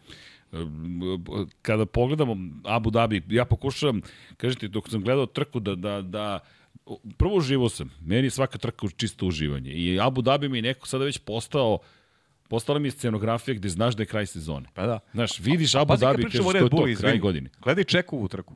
Pa, Nema je. Nema je Pa kao ne, tako. ali, ali pazi, ali Čeko, Dobro. strategija, Red Bull, način na koji su oni, na koji su oni percipirali trku, onda nije imao ta, tu kaznu. On je lagano treći. Da, ali, On ali, je, on je lagano treći. ali opet uvek nešto ima, znaš. Ne, okej, ali do, o, mislim, ja iskreno ti kažem, mislim da nije zaslužio onu kaznu. To je, to je, moj, to je moj stav. Tak, a, a, on je startovao trci sa koje pozicije? Sa Uh, Čekaj, ne znam na pamet startnu poziciju, sad ću ti reći tačno ka, gde je bio neka lošija pozicija je bila, sad ne mogu u setiti koja je bila. Pa dobro, ali zašto je startovao sa te A dobro, ne, nije sporno, ali, ali srđane, razlika je veliko Razumem, kvalitetu razumem. njih dvojice. Opet ti kažem, Red Bull koju ti daje Evo, deveta pozicija. koju ti daje mogućnost i strateški i sa, i sa pouzdanošću. Znaš, on je opet odvezao trku za podijum. Znaš, Okej. Lagano je odvezao trku Abu Dhabiju za podijum. Okej. E, to, to, e, e, Čeko, Ali opet, Čeko Perez mi je najbolji reper koliko je Red Bull dominantan. Ne Max. misliš on zato što je toliko lošiji od Maxa On, i zato što je toliko lošiji od Maxa. Maxa, on je bio drugi lagan u šampionatu. Sa Okej, svim je sa svim problemima, sa svim i problemima, to ti je, Čeko Perez ti je najbolji indikator onoga što smo mi gledali u ove godine. 51 poen više imao na kraju od, Ša, od Luisa Hamiltona. Ok, i Luis koji, to Koji sam pričao u prenosu, koji je od momenta kad je rekao da jedva čeka da boli, bude muzijski eksponat, to je ono što znamo Osmi, karakter. sedmi, deveti. Ma, Luis je završio sezonu u tom momentu i Pa to je isto kao to je Luis. to što Tako smo je, pričali. on, on, je, on, je, on je bio gotov, on je završio više. E, ali se samo na kratko vidi, kada je reč o Abu Dhabiju, znaš, meni, želim, imam neku želju da podelim taj utisak, znaš, pogotovo što nisam komentarisao, to mi je tek bizarno, osjećam se izgubljeno ceo vikend, moram ti priznam, nisam rekao da gledam trke, ljudi stvarno, možda vam čudno zvuči, ali, znaš, ja sve uspomene imam sa trka komentarišući nešto onda se sećam tako. I sad ako gledam i razmišljam, ni, ne razmišljam kako bih komentarisao, nego samo razmišljam kako ću ovo da upamtim, jer ne sećam se kako je pamtiti trku na osnovu toga što samo ćutiš i gledaš i svakako ćutim i gledam i razmišljam šta, šta mi je, šta mi je uh, upečatljivo. Jer je to imam jedinstvenu priliku iz moje perspektive da tako posmatram trku i gledam Meni je ona scenografija. Cela priča o Abu Dhabiju da je to kraj sezone, s jedne strane mi je tako veličanstveno, sjajan vatromet, oprošta i priče o tome ko ostaje, ko odlazi. Da, inače ne znamo da li Logan Sargent ostaje ili ne. Još da, to je jedino što ne znamo u suštini. Dakle, još uvijek čekamo, delo je da će ostati, ali nemamo pojma. I ono što mi je utisak takođe jeste to, to što smo imali toliko veliki, tako veliki broj vozača koji testiraju u prvom treningu. To mi je bilo potpuno bizarno, pogotovo što u Red Bullu nit Maxa, nit Serhija, nema nikoga, I naravno te scene, mrak, ide, pa, idu pritom, pritom Jake Dennis koji mi ono, baš mi je... E, to je bilo zanimljivo da Jake Dennis koji je dobio priliku da, da, da, da, da testira, ali ok, lepo. Pa da, pritom on ima 28 godina, on nije neko ko je baš više ni... ni ajde, ko zna, kažemo, možda je negde ugovor upisalo, radi ovo, dobiješ ovo, pa da, ko da, zna. Verovatno. Ali vidi, Max Verstappen koji sedi za treningu broj 1 i posmatra bolide, to mi je bila zaista čudna scena i generalno da nema vozača, oba vozača jedne ekipe, pogotovo šampionske. I naravno, to što smo imali priliku da vidimo, ajde, Felipe Drugović, malo smo tu slabi na, na a Formula 2, to mi isto bio utisak. E da, to ćemo prolaziti. I u, čekaj, znaš šta mi je palo na pamet? Moram da pročitam nešto, izvini, molim te, ali ovo mislim da je veoma važno. Pričamo o šampionima, je li tako? Mm, samo da uspem da uradim jednu bitnu stvar pošto, jel te, najvažnije titula šampiona, pošto je Max to rešio davno, davno i ja smo svima stavio do znanja, aj čao, u sprintu ću da osvojim titulu, e, gde smo, e, ovako, čitam, dakle, slušaj sad ovo, Pajo, šampion, šampion, 2023. godine zvanične Fantasy Lige Lab 76 su pačenici sa 6899 poena, ukoliko ne bude nekih izmena na kraju, valjda su prebrojani svi poeni. Ja se nadam da je komisija to usvojila i eto pobednika, Nik pobednik pozicija broj 2 i MM tim na poziciji broj 3. Prvi put da Šejla Čebirić nije među vodeća tri takmičara. Naša takmičarka iz direktno ekipe Aston Martina ovoga puta, vidimo gde je završila sezonu. A na četvrtom mesto. 19. 19. Ne, na petom. Da, na petom, da je petom. Da, da, ne, nije, nije, nije, nije, 19. Arija Nebeska je četvrta, Vratolomac peti, nije bilo promenu u poslednjoj trci sezone. Mislim da su išli neku siguricu. Vozi Miško šesti, sedmi, a Indigo tražiš Kaiser F1 osmi, deveti BT Racing broj 1, Piva F1 deseti, pa Formular, Banjac, pa Vela D, Ninja Ratnici F1 Merks, Zbinalija 1, Milje F1, Gusio 1, Masterblan A ili ti Šejla i Bestov je F1. Ali čestitke, pačenici, njih pobednik MM Team, očekujemo da dođete po pehare. Kako? Out of sync, ti si ga izbacio iz sinhronizacije. Od kada ti ti počeo da kukaš na čoveka, nestade čovek. Nestade. Eliminisao sam ga, Vlado. Komesar ga je izbacio. Šalim se, nikog nismo izbacio, ne znam nikada možemo da izbacimo neko. Sebe bih izbacio iz lige. Ti si koji? Ja sam, ja sam makar među prvih 1000, 741. Ja sam isto među prvih, uh! 3000, među prvih 3000. Deki me pobedio u, u MotoGP-u. Inače, u MotoGP-u, koga sam stavio u fantazi, trku završio nije. Poslednje tri runde, kako izaberem vozača? Oni će, oni će te zamole da ih ne Ne, ne, više fantasy. neću da igram fantasy. Osmano ti kažem, dakle, gledam sad rezultate poslednjeg vikenda, Joan Mir, čovjek nije čak ni započeo trku. Alex Rins, izbačen sa staze. Mark Marquez, lansiran u stratosferu i četvrti mi bio Marko Beceki, kog je Mark Marquez lansirao. Dakle, ovako, sva četiri vozača koje sam imao, svi su završili, završili tu trku na, na pogrešan Talent, način. Talentovan si. Je izrazito talentovan. Martina sam stavio za Katar, guma gotova, dakle onda sam izbacio ove šampione da ne bude da sam uticao i pre toga sam isto nekog stavio ko nije pao dugo, da, Miguel Oliveiru, Oliveira završio sezonu povredom. Dakle, Ja ne igram više fantaziju Moto Grand Prix, bit ću komesar lige i posmatraću sa strane i to će biti Ti to. Ti boje da si Rosija staje Pa da sam mogao bolje njega da stavim. I on bi se povredio, Rossi pao sa, ne znam, ograde otprilike. Ne da kad spominješ Rosija, Sledeće godine Schumacher i Rossi zajedno u istom da, da. takmičenju. Da. Da, pa Mick Schumacher ja dobio ugovor sa Alpinom. Ti imaš razloga da budeš ljubomoran. Ja sam radio trku koju Rossi pobedio na četiri točke. Jesam ljubomoran, dakle. Žabe ti sve te godine na dva točke. Da, da, da, kao dečko, dva. Ostav. Ostav zbog Jerciga. Tako je. Pa vidi, ali sledeće godine u šampionatu sveta trka izdržljivosti Valentino Rossi za BMW u GT3 klasi, Alpinu će da vozi Mick Schumacher kada je reč o šampionatu trka izdržljivosti, pa eto, bit će zanimljivo. Dakle, Schumacher, Rossi, samo što je isti Rossi kao što i sa Tatom vozio pre Schumacher 15 godina. teško u formulu, znači. Pa ostaje rezervni vozač ekipe Mercedes. Sve teže, da, to. Da, inače McLaren je potvrdio u GT3 klasi će se takođe pojaviti, to je u oktobru najavljeno, danas i potvrđeno, pa eto, vidjet ćemo da li hiperautomobili neki zovu McLaren. E, moram te pitam nešto, izvini, završila se sezona, ljudi, nije još ocenjivanje, moram te pitam. Da li imaš osjećaj, pošto gledam Fernanda Alonso, Čovek je osvojio 24 časa Lemana. Pobeđivao je u Menaku. Ostaje mu još 500 milija Indinapolisa. Pod mm. usnočeno stare dane probao Indi. Da li imaš osjećaj, i samo ću dva vozača da, da istaknem, da bi Lewis Hamilton ili Max Verstappen mogli da odu u Indiju u nekom momentu? Baš me zanima tvoje mišljenje. Pa ne moram da ih zanima, iskreno ti kažem. Znaš kako, me, ja mislim da Lewis sigurno neće, ali da Max bi mogao u nekom trenutku, pošto je Max izjavio da bi išao sa Alonsom na 24 časa Lemana, Sad zamisli taj tim, pa, Verstappen, pa, pazi, Alonso dru, i još neki druga vozač. Je, druga je priča voziti 24 časa jeste, Lemana. Jeste, jeste. Mislim da će i Luis da se pojavi neću, tamo. Neću takmičenje. Znači, 24 časa Lemana da. To možda bude... Ne, ne, samo 500 milija Indianapolis. A samo to, samo to da, milja. to, to da, zašto ne? 500 milja, mislim da, nisam siguran za Luisa, nikad nije spominjao Indi, ali zamisli te legende da odu u Indi ajmo da se trkamo na the big one, da jurimo, da, da vidimo šta se tamo... Pa ja verujem da će Alonso ponovo da proba to. Ja sam siguran, kada završi karijeru u Formuli 1, siguran sam da ide put Amerike i bitka. I pored toga, pošto će sad da uspostavi ponovo odnose sa Hondom, pretpostavljam da će dobiti tam Hondin motor, da ćemo imati tu zanimljiv, da kažeš, za okruživanje karijere zanimljivo. Ali ne, ne, prosto ne, mi palo na Indianapolis, Indianapolis, da, da. Samo 500 milija 500 milija, da. Ma ne, mislim, to je izazov za svakog. To, Znaš, jer to mi nekako deluje fenomenalno. To je srđene kao kad bi pitao, ne znam, da li će Đoković ide na Wimbledon, znaš, to ti je, mislim, svaki, ovaj sport ima, ima tri Grand Slema, znaš, to, svaki vozač je motivisan da to vozi. Ali sam siguran da ćemo Hamiltona videti u hiperautomobilu. Imam osjećaj da će krenuti tim. Siguran sad. Bio sam siguran da će u Ferrari, pa nije se desilo. Pa deo, a dozom rezerve. Šta kaže Christian Horner? Kako, kako? Ali su pregovarali. Šta kaže Christian e, da, Šta kažeš za to kao navodno pregovori da, je, da su zvali Hamiltonovog tima Red Bull da se ponude za ovu sezonu?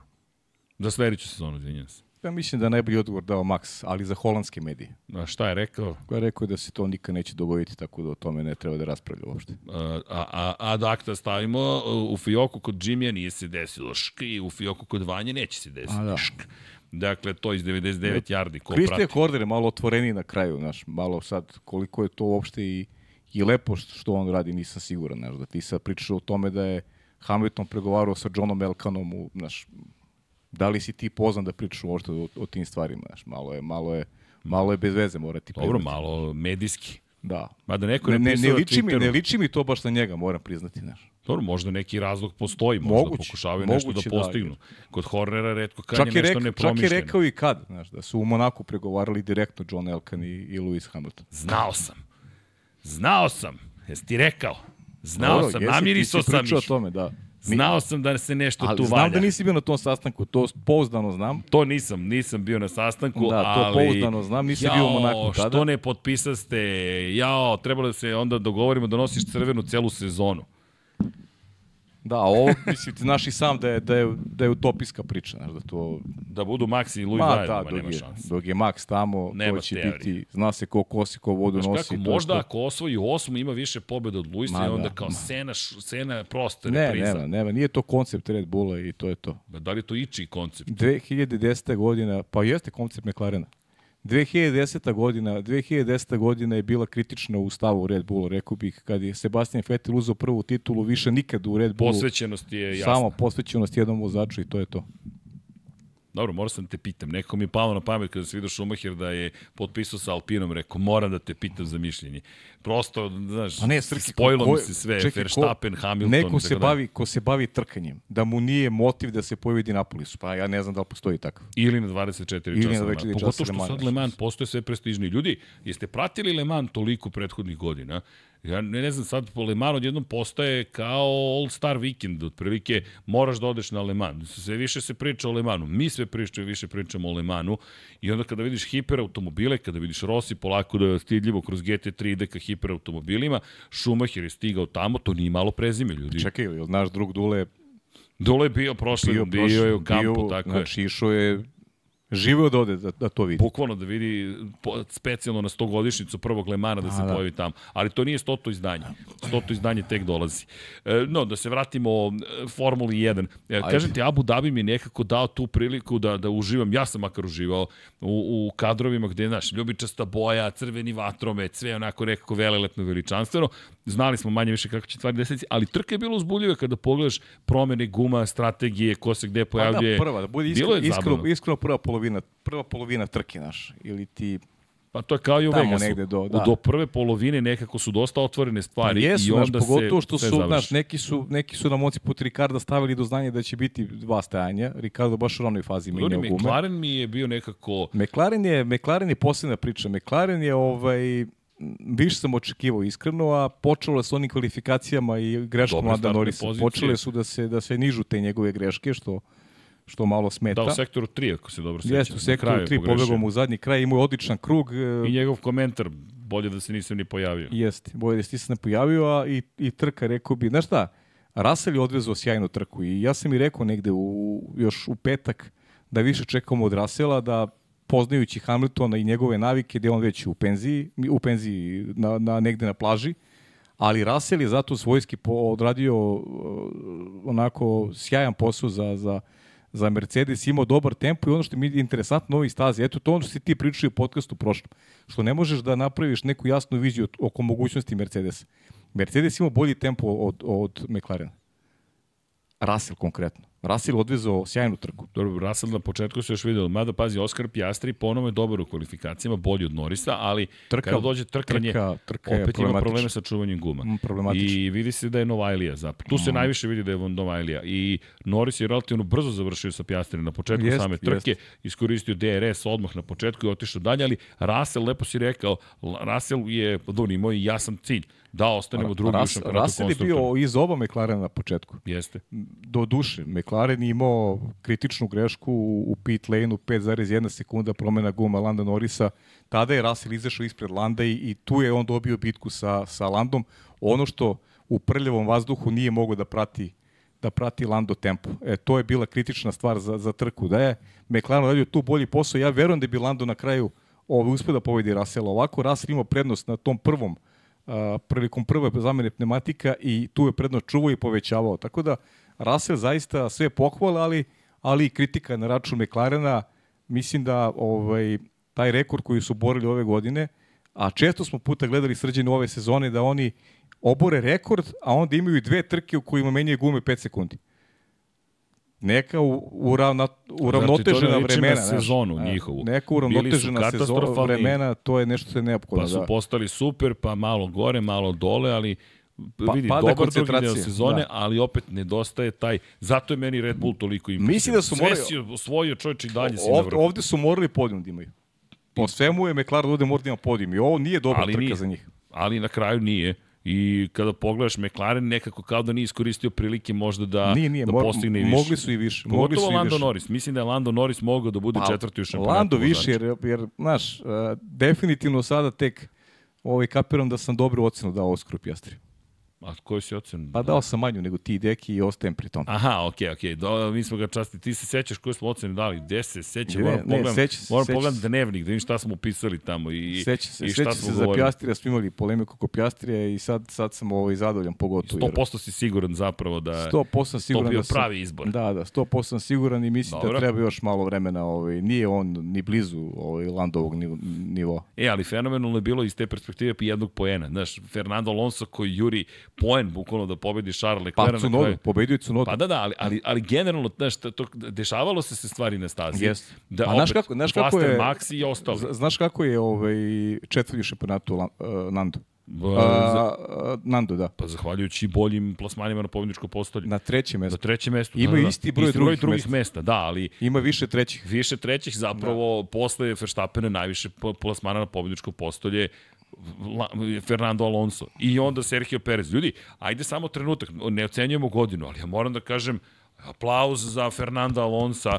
Čekaj, ti na kraju kad je bilo potrebno da uradiš nešto, ok, očigledno taj bolid više nije kao što je bio na početku sezone, ali ti voziš. Voziš ga za koliko? Pa, sedma pozicija, sedma pozicija. Molim lepo, to je taj jedan poen koji meni nedostaje da imam isti broj poena kao Charles Leclerc i da imam jedan plasman više kada je reč o trećim pozicijama, ne jedan, više plasmana u odnosu na Charles Leclerc, što ti isto govori i o, hajde ovako, nekako da nije, ajmo, ajmo, ajmo samo da zamislimo, da je Lance Stroll ima ovoliko pobedničkih postolja. Ja mislim da bismo ga u zvezde kovali, da bi bio Lance otkrovenje sezone. Pa, Ali pošto je to dvostruki šampion sveta, nekako, i pošto se desilo na početku sezone, kao da smo zaboravili, pa ja stvarno mislim da Fernando zaslužuje ne čestitke, nego a, dubok naklon za ovu sezonu. Pa dobro, ako, ako, ako ne računamo Maxa, on je za mene ličnost godine u Formuli 1. Pazi ovako. Znaš, prvo imaš, prvo imaš biologiju, znaš, imaš 42 osnovna, godine. stvar, ušao pet deceniju života.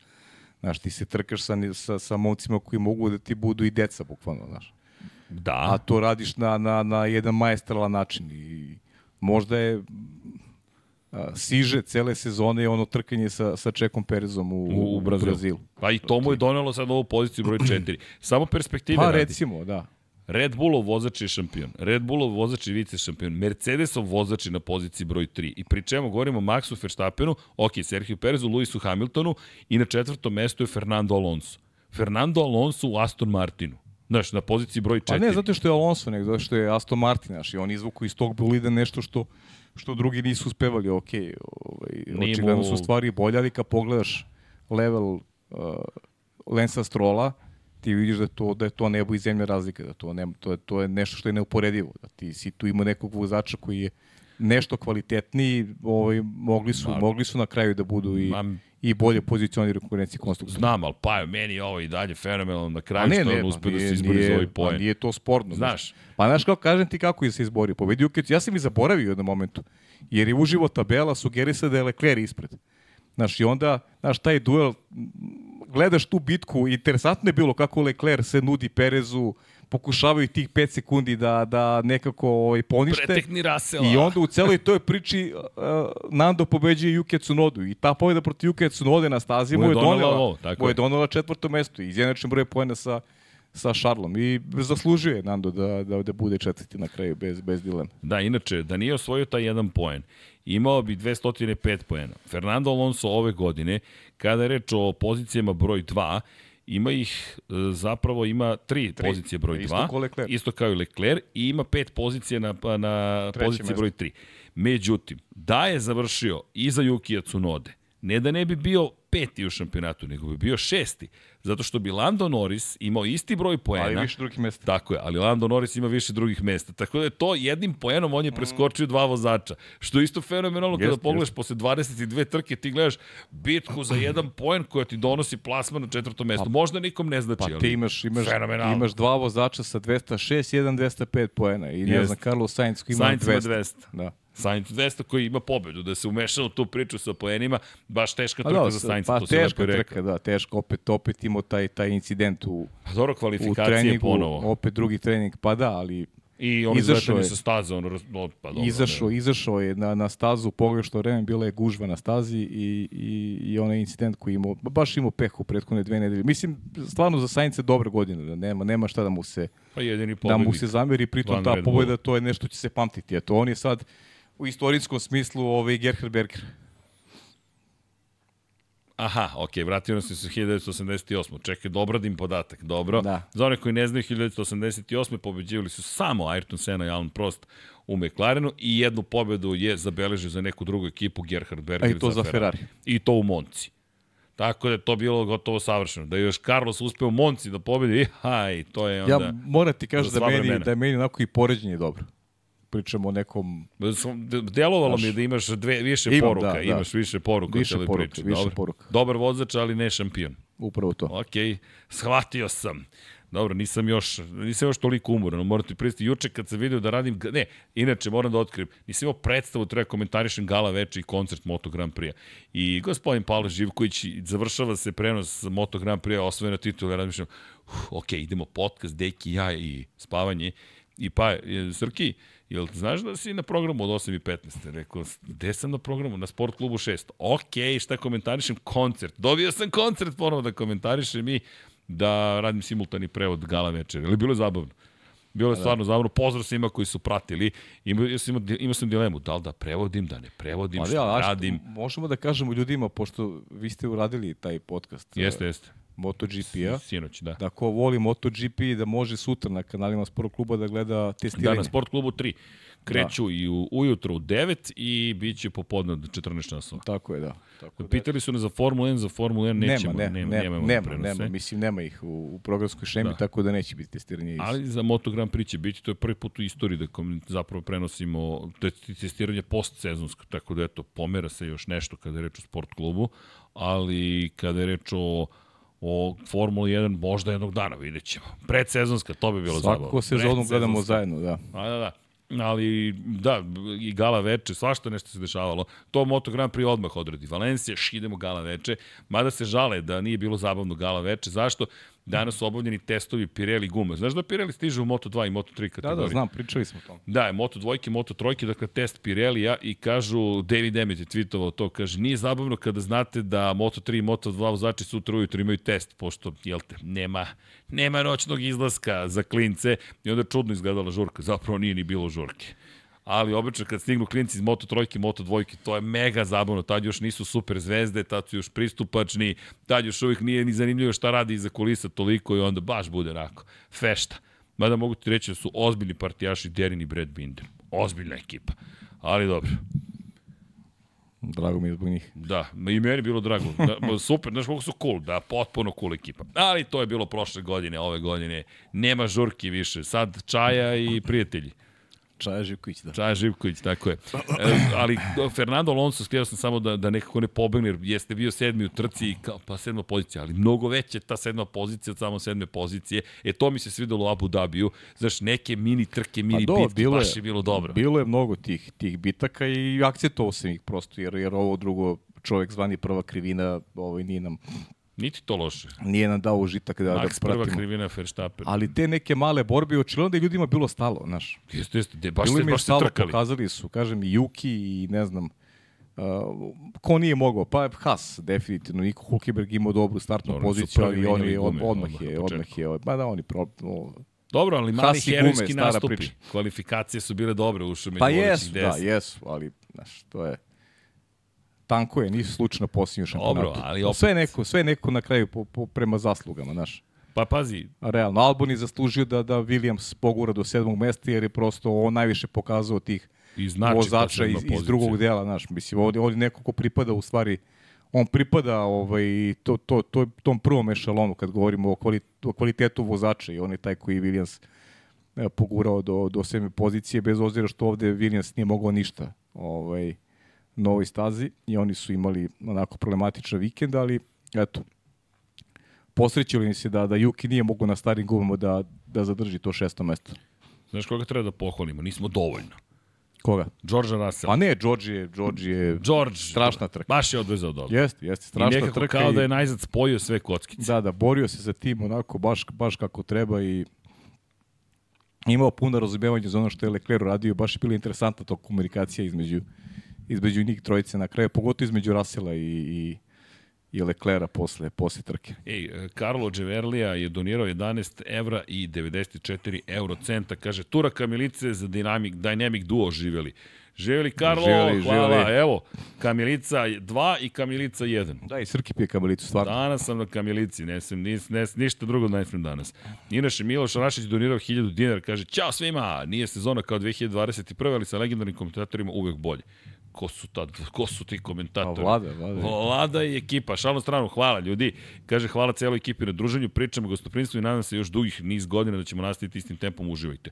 Da, hvala Miloš. Što se nas Miloš tiče, je bio preko dve nedelje ovde. Vidimo da, da, se da. nekom drugom prilikom. Vidjet ćemo se, biće, biće prilike. Uh, pozdrav zaista za sve, kažemo, bit ćemo tu i naredne nedelje i imamo rekapitulaciju sezone. Ej, kliknite like, ljudi, subscribe takođe, sve to pomaže. Evo ovde imamo celu ekipu koja, ček da, da proverim nišlije naše, se zabavljate? Tu su, tu su. Jel okej? Okay? Dobro. Nije ih umorio put. Nije ih, kako da ih umori, bre? Samo... I da sam ja bio u vojsci u Aleksincu. A ga sad. U komšiluku. Evo. Nije bilo vojne policije, ne bilo super Aleksincu. Imaš kafan, dve kafane si imao. Zlatno ćoša i srpska kafana. Jes, da. O, moj, moj, a posle... moj dobri, moj dobri Toša foto iz Aleksinca. Šta je?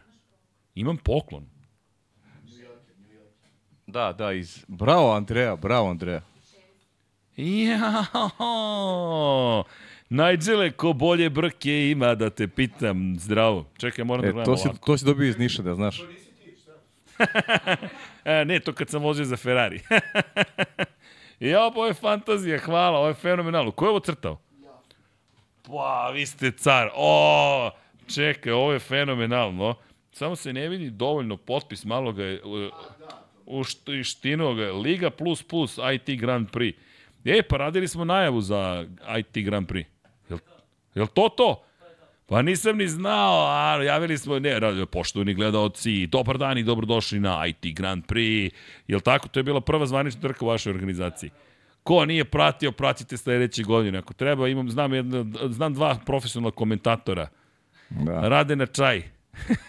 Samo na čaj. Samo na čaj. Mora, Veliki a mora bude vruć. čaja. Mora bude vruć.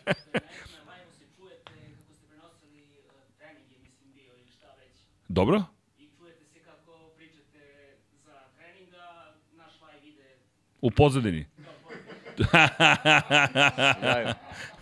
Jako. A, ovo je iz perioda kada je Nigel vozio za Ferrari. Lepo, hvala. Sjajan Hvala. poklon. Lepo, hvala ljudi. Bravo, Andreas. Uhu, kung fu, hvala Andreja. Šta treba da uradimo? Da me fotogra... Možeš da me fotografišeš? Ajde, brza fotografija. Ja Evo. Ne, to ti, to su ti za društvene, ti. me, to ti je za društvene mreže, pa Pa evo ti. Evo, sad će to Andreja. A nema, Andreja, profesionalac. Ma da, evo sad ćemo to da snimamo. To Deki radi, to je ukrlo Dekija. Deki voli da sedne tu i da fotografiše za društvene mreže. Deki, Deki je car. Deki teenager. Deki je 8-3. Hoćeš ne, ne, daj još jedan, evo Menselov moment, gledam u daljinu. Pogled mi se gubi negde u daljini. Ne, ima, tr, tr, troje ljudi me fotografiše trenutno. Gde da gledam pre? e, ali hvala ljudi. Divan poklon. Bravo, momci. Bravo. Ne, nešto je poklon, nego alal vera za, za ruku. Ne, ne, ovo je... Volo, volo, bih da, mo- volo bih da mogu ja tako da crtam. Ma šta smo izašli susret, to je sitnica. Ja istresirao sam vas, poslali mi utorak, tipa 1. oktobra, ja 23. im se javljam. E, momci, ali ovo treba još uvijek da se snimi. Pa trebalo bi nam za sutra. E, rekao, dobro, bar sam se setio na vreme. Trk od vlade. Vlado, pali mikrofone, ajmo. Otišao sam kući, još sam zaboravio da uradim i onda sam došao kući kao, Ja. Zašto sam ja došao? Jao, rekao, znam da nešto treba da uradim. Ajmo trk nazad. A njima govorim, da, da, evo, sad ćemo vlada da snimimo. Da, da, evo, samo što nismo. Ali dobro, nisam lagao, to je samo bilo u budućnosti se desilo to što sam rekao. Nisi će lagao da ne lažeš ti nikad. Ne, pa e, i kad nešto kažem, pretvorim je u istinu. Bam! Keno Bolić donirao je pet bosanskih maraka. Srki plati večeru, pa i Lecler je završio ispred canica opklada. Ja ti dođem večeru. Erceg, drago mi je. Da, dobro. Živkoviću, veliki pozdrav i samo nastavite najjači ste. Kemo, ne bojte Hvala, da brinete, hvala, dakle, hvala, upotrebit ćemo naše moći da u kuću čaja odvedemo Paju i da ga izvedemo na... na... To nije večera. Kući čaja, nema idemo? sjede. Jel ja vodim na večeru? Ti, ti, kad ti vodiš, izaberi mesto. Ja da izaberem mesto. A, da, Dobro, izabraćemo mesto. Mislim da znam gde treba da te izvedem. Dobro, ajde. Paja i Srki u epizodi Charles Leclerc me koštao večere. Mora paziš s kim se E, klaziš. Carlose, Carlose, jao Carlose, ove kvalifikacije, došli su mi večere, ali nema veze. E, šalu na stranu, vidi, bilo je neizvesno. E, Inače, kamp, postoje dva kampa u Ferrariju, čak i kod navijača, i Sainz i Leclerc, i svako ima svoje, i to je ono što mi je takođe fascinantno, nema ujedinjenog stava nego ili jedan ili drugi i to ti isto pokazuje, znaš, kao kad, ćete, kad će se ujediniti. Pa ne, pa sve okej, pa mislim. Ne znam, ali, ali je bilo zabavno Ja gledati. mislim to. navijači, to je sad priča navijačka priča je Pa svaka znam, ista, ali- znaš, ali mislim, mi je ja samo sam svestan da imaju fanovi jedni i drugi, a, a ljudi stvarno pričamo ono što mislim, ja stvarno me ne, ne, nisam ovaj, apsolutno navijački opredeljen u tom pogledu. E, jo- još par stvari, kada pričamo o tim bitkama i nižim pozicijama, samo da konstatujem, McLaren je na kraju odbranio svoju prednost. Nije bilo nešto Ma, pretarano bilo to neizvesno. Pohvale što Ali su... opet su morali, morali su u ovoj trci više. Eto, i naveli smo, naveli smo razloge. Pjastri koji nije dobro upravljao trkom uopšte, s druge strane Lando imao je peh, eh, velika greška mehaničara, 5 sekundi je previše za jednu takvu trku, pogotovo eh, Srki za, za Abu Dhabi, gde ovaj, promena guma traje nešto duže od, u odnosu neki prosek. To je ovaj, i tu svaka neka neka mala greška može da, da, da dovede do, do, do problema, do gubitka pozicije. Znam, nego kada je reč o McLarenu i generalno, ajde, ovo je nekako najva, bi trebalo bude z naredne sezone. Videli smo da je Alfa Tauri doneo novi pod i da su nastavili razvoj bolida do poslednje trke. S druge strane, videli smo da su neki timovi odustali već od razvoja bolida, da se spremaju za 2024. Videli smo, dakle, različite pristupe. Ostaje to večito pitanje. Da li ovo sada govori da ćemo mi zaista imati konkurentniju sezonu, to je da, će se, da su se Pa približili. Jer vidi, ajmo ovako, da li ti se i u ovom trenutku, jel, jel ti Mercedes bio prošle godine bliži Red Bullu nego ove? Da, da. Meni jeste. Bliži finišu godine. Jer, jer vidi, Maxi, 17 Ti, se, sekundi ti sad prednosti imaš na kraju. obrnuto, sad imaš Ferrari koji deluje bliži. Ako je prošle godine Leclerc po, isto bio drugi u posljednjoj Ista trci, situacija. ali nije bio toliko blizu. Ali Maxi opet ima 17 sekundi prednosti. Jeste. Pa kako ti nadoknađuješ tu prednost? Pri čemu on nije ni morao da vozi na... Ma Inače, ne, ne, nije, prvi, nije, nije, prvi izlazak, izvini, na srednje tvrdim gumama, oni su i potvrdili da je on imao baš Naj, dosta najbolju lift stvar si rekao, pričali smo ti ja malo i nezvanično. Red Bull je pripremio bolid koji funkcioniše na svim stazama, E da, to smo a, pričali. a, ostali, a ostali uvek imaju neke kompromise, ne znam. E, Ferrari funkcioniše dobro u krivinama pod uglom od 90 stepeni, u ovim brzim krivinama ne može, ne znam. E, Ti tačno znaš kad dođeš neku stazu da, da, da ovaj, ekipa Koji neka deo može. staze odgovara kojem, Tako je. osim Red A- Bullu. Ast- Aston Martin s početka je više, odgovar, više smo odgovarali staze u, u, sa sporim krivinama. Red Bull se ponaša isto na, na, na svim stazama. Ali kako se ponaša? Pobratite pažnju tokom kvalifikacija. Max često ima zelene sektore. Dakle, najbolja lična vremena. Zna da nema sve ljubičaste ili da nema čak ni jedan ljubičasti, to je najbrži A od svih dok bude vozača. najbolji krug, A da. opet bude pol pozicije i najbolji krug.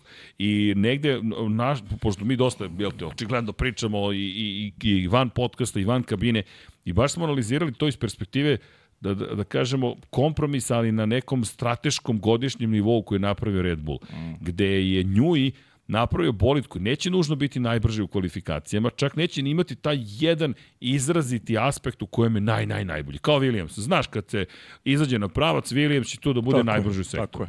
I onda ga nigde nema ostala dva sektora, a Max, to jest Max i Red Bull ta kombinacija, uvek je dovoljno brza ta kombinacija da ne bude kao sa Ferrarijem ili Mercedesom i izgube pola sekunde po jednom sektoru. Da, I on, to i je onda tek u trci vidiš kako bolid. pojedu vreme u odnosu na, na konkurenciju. Ali šta ne pojedu? stabilnost. Ne pojedu gume. Ne pojedu gume, da. Pojedu gume. I nešto, te, vratio bih samo za trenutak za, Naravno, naravno. Na, na, na McLaren, zato što imamo vrlo važnu vest koju, koju smo rekli s početka tamo, ovaj, to jest rekao sam u petak s početka treninga, McLaren koji produži ugovor Sa saradnju sa Mercedesom i Mercedes će isporučivati agregate McLarenu zaključno sa 2030. godinom. Meni se iskreno to ne dopada e, iz poznatih razloga. Volio bih da McLaren bude fabrička ekipa. Neće se desiti, ljudi, mi ćemo da živimo do, do kraja ove dekade e, ovaj, tako što će McLaren koristiti Mercedes. E, da, britanski tim izgledao jako dobro ovaj, u drugoj polovini ove godine. Mislim da, da loš početak sezone ih je možda koštao da njihova pregovaračka moć bude mnogo bolja u pogledu nekih drugih interesenata i, i stvarno ne vidim kako može neka ekipa koja nije fabrička da da da ovaj kontinuitetu E, ali- u sada da imaš 24 trke sledeće godine. Da ti u 24 trke budeš toliko dobar na različitim tipovima staza, nisi fabrički tim da se ti boriš za šampionsku titulu. Ja meni je stvarno teško ovaj to da ovaj negde da da da da da prihvatim da je moguće i i ne sviđa mi se što što je McLaren ovaj na tom nekom pravcu. Izvini, pa evo, upravo je Mateo Miholić donirao 20 evra, kaže 20 evra da će Verstappen upisati stotu pobedu u Abu Dhabiju 2025. godine.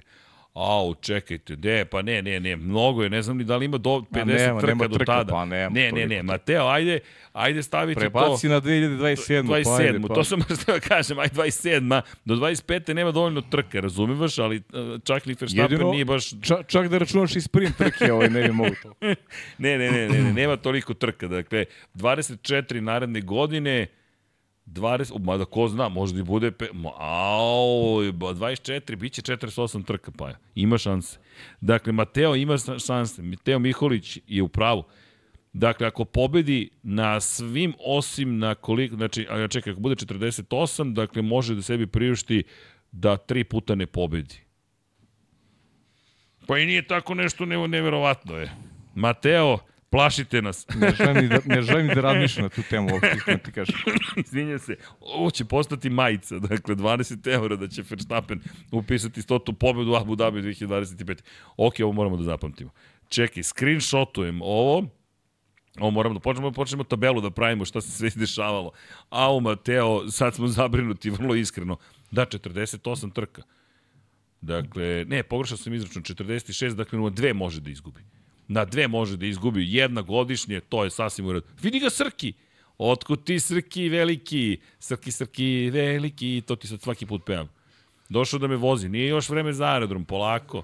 U 1.05 je let. Pa on se priprema za vožnje, a nije on, Pa šta je nije on? on amater, nije Pa- on amater, on se priprema. Pa šta je Logan Sargent? on Treba mu on dva i po sata do sedi i menja aerodroma. brzine, on sedi i menja brzine sad. Nije, nije, da uzeli smo mu mat- automatik. A nije, ali imam i ove pedalice. I imaš i... da, da, da. Srki došao se sa ovom super kapicom.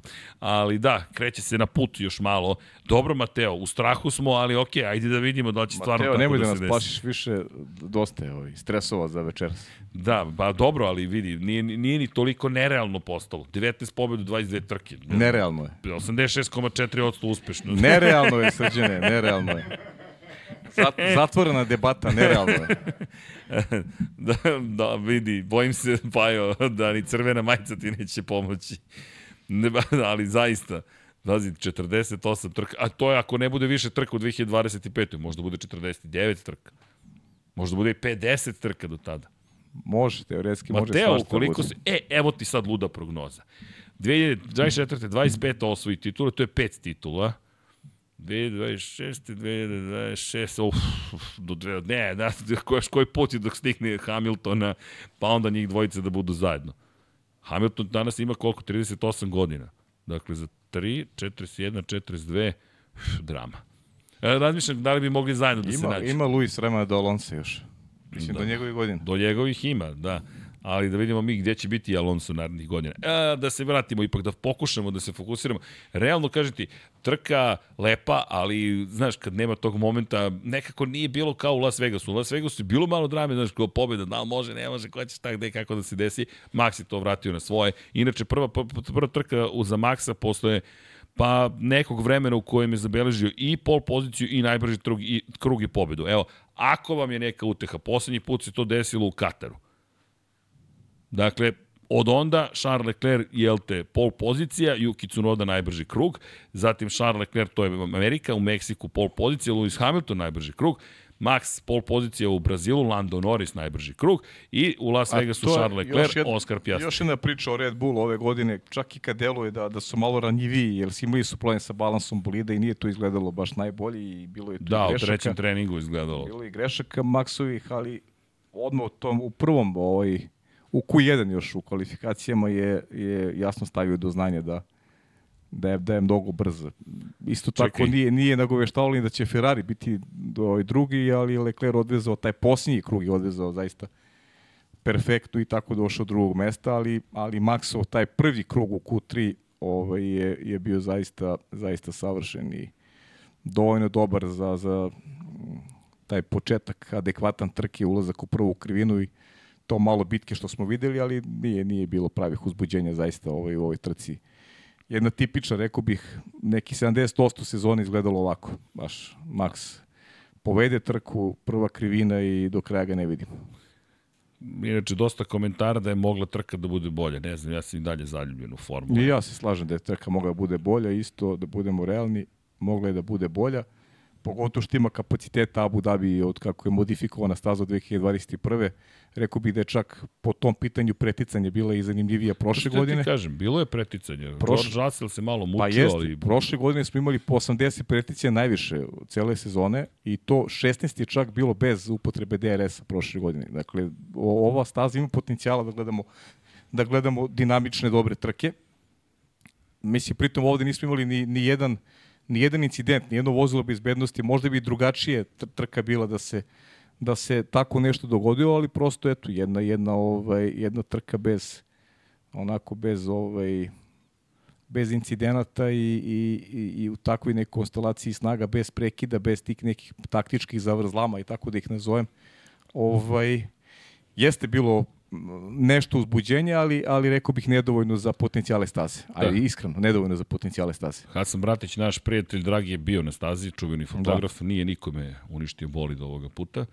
Nije bilo potrebe. Šalimo se, to je na konto što uvek snimi ne, ne, nečije uništenje, ali... Pa nije snimio Saince, znači. Ali moram da ti pokažem, ne, moram ne, da nije snimio, mada možda i jeste, nisam gledao, više sam se sa Hasanom dopisivao ovako, Hasan koji je naravno završio svoju sezonu, mi se nadamo, da, ispremamo izlužbu, Hasan možda nije svestan, ali izlužba je u pripremi, pitno, neko je pitao, juče, sinoć je pitao kada će izlužba, pripremamo izlužbu bez brige i da ponovimo za, da, da, da inače, postaću vam sada, šaljem ti nešto da, da prikažeš kako se na trku ide, i kako se radi zapravo kada je reč o Hasanu Bratiću. Nadam se da će vam se ovo dopasti. Inače, Hasan koji nadam se eto da ćemo ga uskoro vidjeti kako pripremamo izložbu IM 14 ili ti IM 14 ili ti Fernando Alonso izložba posvećena Fernando.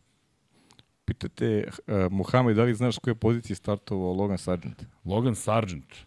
Jesi ispratio? Ne, nisam ispratio. Dva, a ne, znam, znam, 20 i zato što dva puta Pa njegov, krug. standard njegov. Dobro, mo, razumem vas, ali... Ali vidi, zar ne želiš Zamisli, pouzdanog vozača? zamisli da ima 22 Hajde te bolida. pitam, da, da li ne želiš pouzdanog Da zamisli da ima 22 bolida na stazi. Bio bi 20, i 20 i dalje. Ne, ne, ne, čekaj. Zar ne želiš pouzdanog vozača? Ne, on je, on je najpouzdaniji. Evo, a vidi Hasana, vratića. Ma, da. A, Hasan- Hasane. Hasan u, u plavim Navija za Logana Sargenta. Da. Ja. Jasno je sve Rekao kao bih dan. Pre za Alonso, ali iz, boje, iz, iz doba Alpine. Ali Hasan Bratić, inače poslao mi tu fotografiju u sred komentarisanja Moto Grand Prix trke, ka, ka, kako ide, šta ima. Ja kažem, Hasan je ček da povatamo konce, ovde pripremamo se, zapravo on je to, i tad je bila Moto trojka. Bilo je, bilo je uzbudljivo i zabavno. A kažem, pripremite se za izložbu. Nismo dugo imali izložbu od prošle godine. Je li u redu da bude Fernando Alonso? Sargentova se izložba. Da, da, prozivajte. Pro... E, sad ću da napravim poster Logan Sargent 2023. I ja ću sam da ga kupim. Izvinjavam se. Ja Nije da lepo da me zasmejavate. Ti si, ti si jedini koji će ga kupi.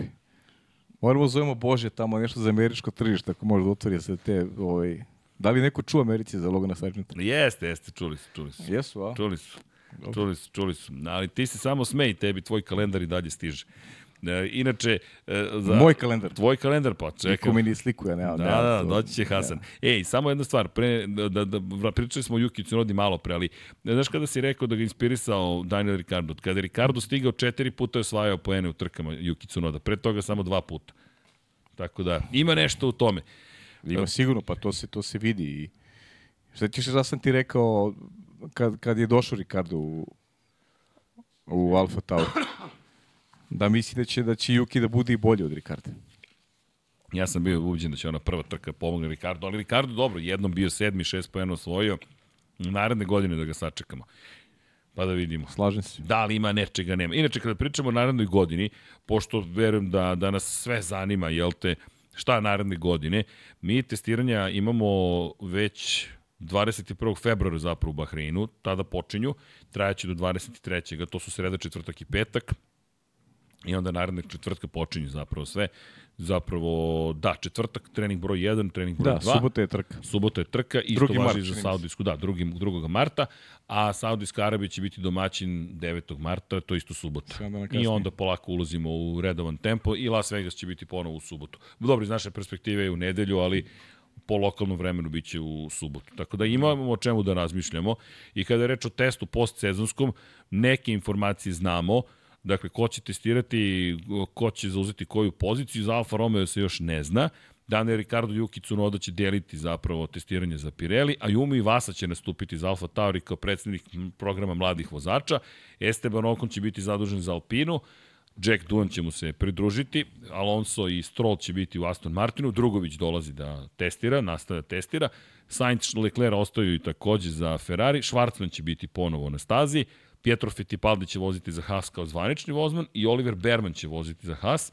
Još čekamo za McLaren ko će ostati, Pato Ward testira, George Russell će biti zadužen za Mercedes zajedno sa Frederikom Vestijem, Perez će biti za Red Bull i još ne znamo ko, a Alex Albon, Logan Sargent su i dalje na stazi, Franco Colapinto i Zeko Salinen će biti u bojama Williamsa za test mladih vozača. Da, Franco Lapinto koji je po, po januaru mesecu ove godine e, postao član uh, Williamsa Akademije i naredne sezone će voziti ZMP Motorsport u Formuli 2. Znaš šta mi je interesantno? Jumu i Vasa mi je interesantan što testira, pa Jumu i Vasa koga naredne godine nećemo ni gledati u Formuli 2, Jumu će voziti japanskoj formuli. Tako da Ayumu, Ayumu odlazi, uh, ajde silazi sa te najveće scene, ajde mogu tako slobodno da kažem, neće baš biti, bit će ispod radara, tačnije. I to ono što sam rekao u jednom momentu sezone da Red Bull uh, više ne, ne Denisa Haugera, Ayumu i Vasu, to nisu više momci koji su u fokusu.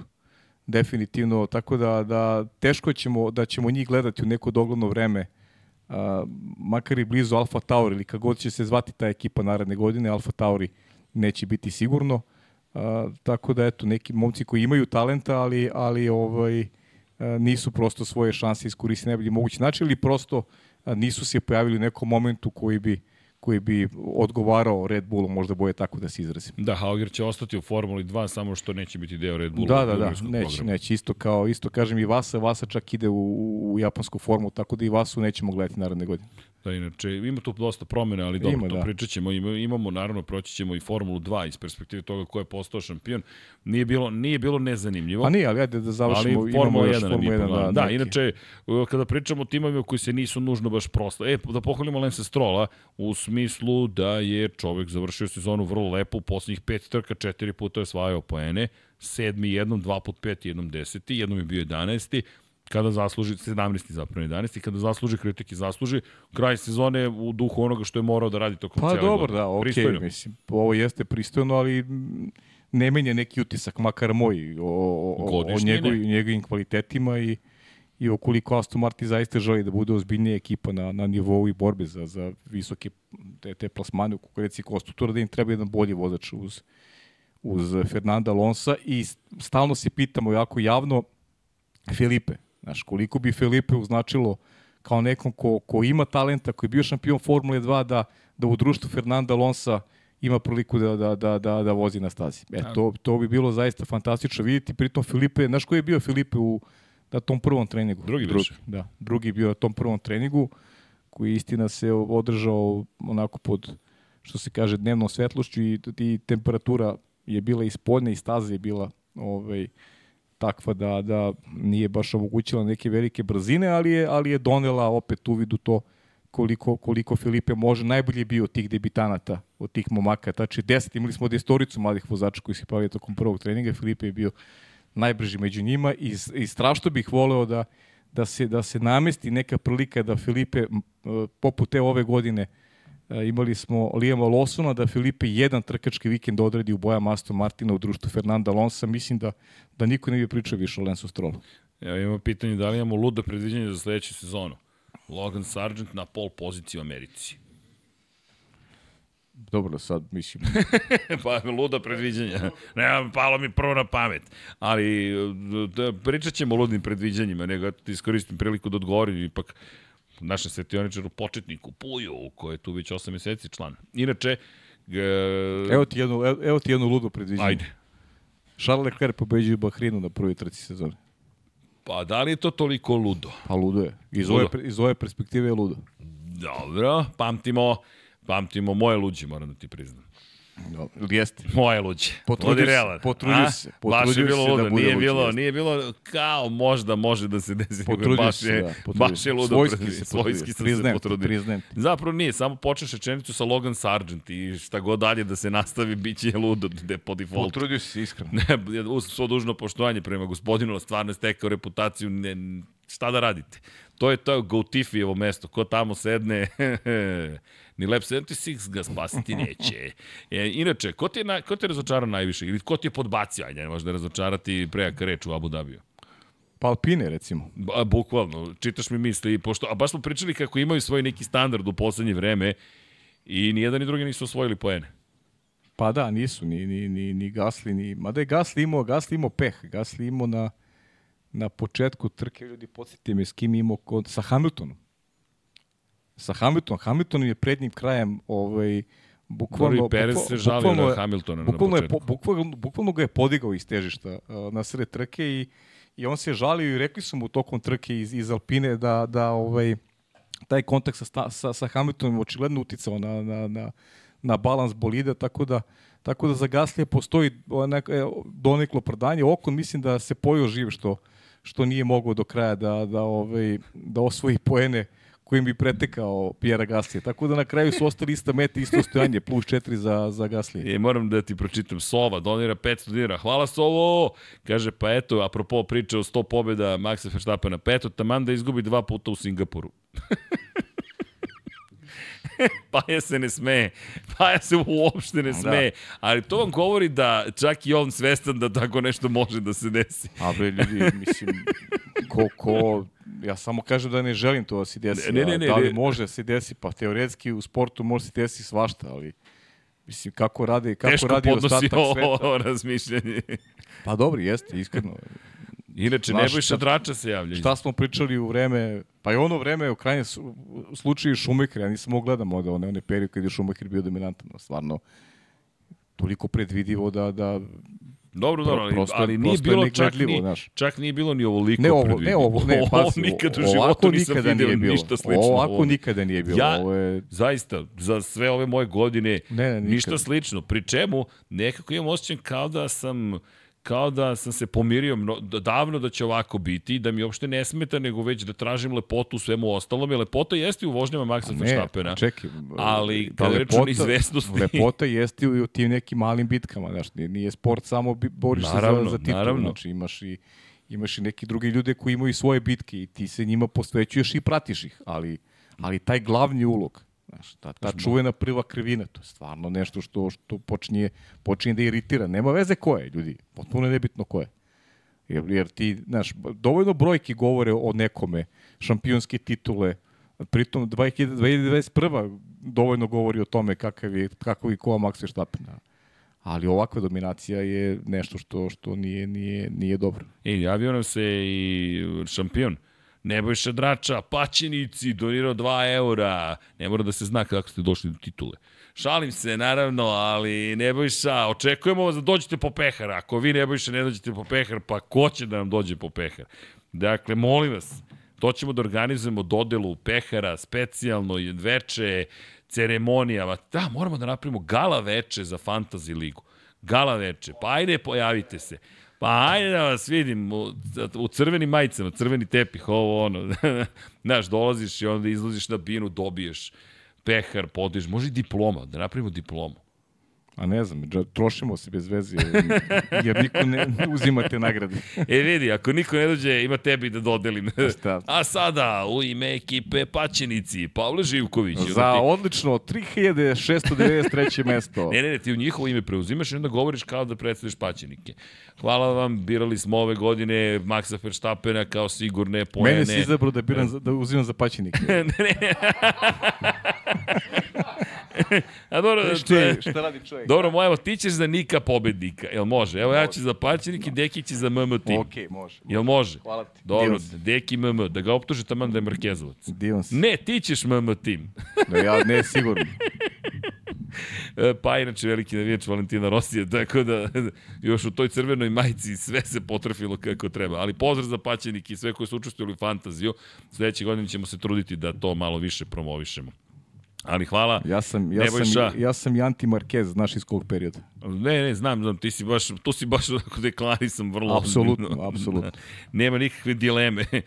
E, inače, u Abu Dhabiju, da, Alpine, pa šta sad, bez poena nekako kraj sezone, Pa da, da. specifičan, pa, gotovo. Ostali su, pa znaš, oni nisu mogli ni gore ni dole.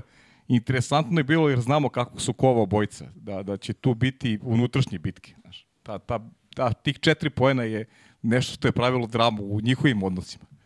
Ali nije se desilo, nisu, Da, da, nisu ja se nadam da će biti drame, iskreno. Ne, ja, da ja, sam bio, okon, ja sam bio ubeđen da, da, da hoće. juri, znaš, ne može Da, i- kasnije da me pobedi u mojoj ekipi. Ve- Verujem da Okonu nije bilo dobro tokom trke. Siguran sam.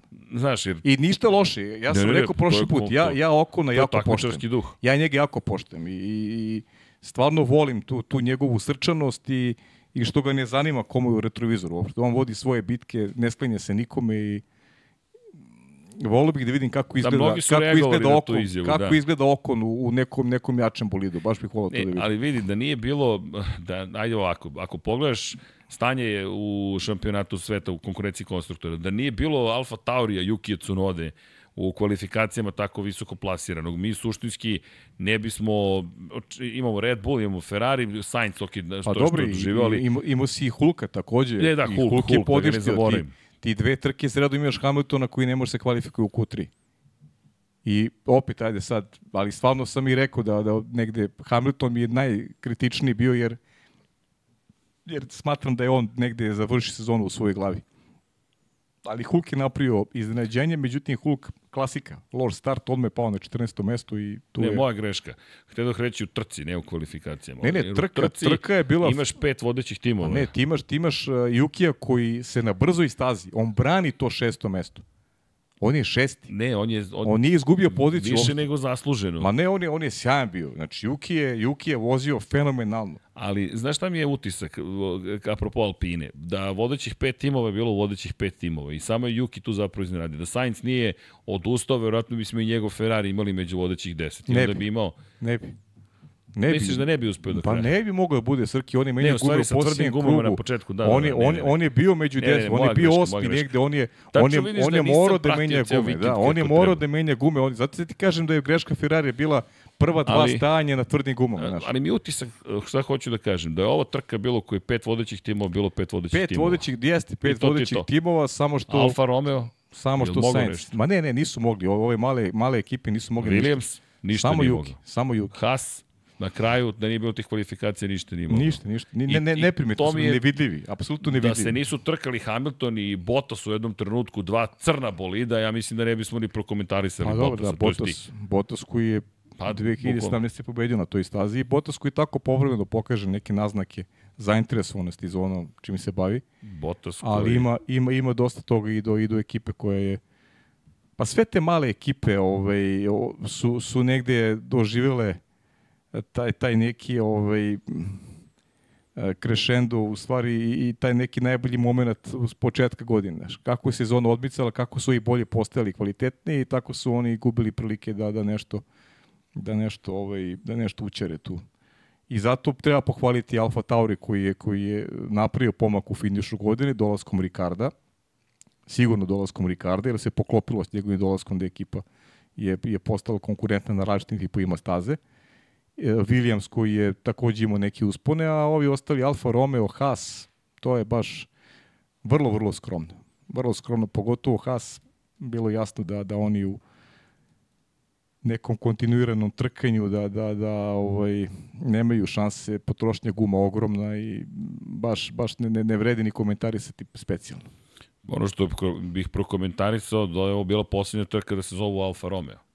Da, pa Alfa isto, Romeo ne, neće se pa zvati isto ko Alfa tako. Tauri, ko Alfa Tauri, da. Da, Alfa Tauri takođe se više tako neće zvati. Ne znamo još kako će se zvati Alfa Tauri.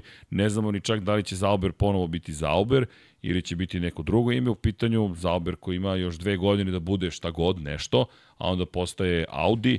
Do tada čekamo da vidimo zapravo. U svakom slučaju, ono što se desilo je da su okončali posle šest godina saradnje prosto logično nekako bilo sa zapravo Audijem.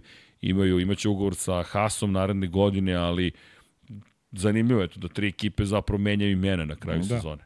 Imaćemo baš neku malo drugačiju situaciju i hajde da vidimo šta nas to čeka iz perspektive Alfa Taurija kad je reč o nazivu. Jer eto, nema, ne znam kako će se zvati, nemamo pojma. Eto, to mi je luda najava. Kako će se zvati Alfa Tauri naredne godine?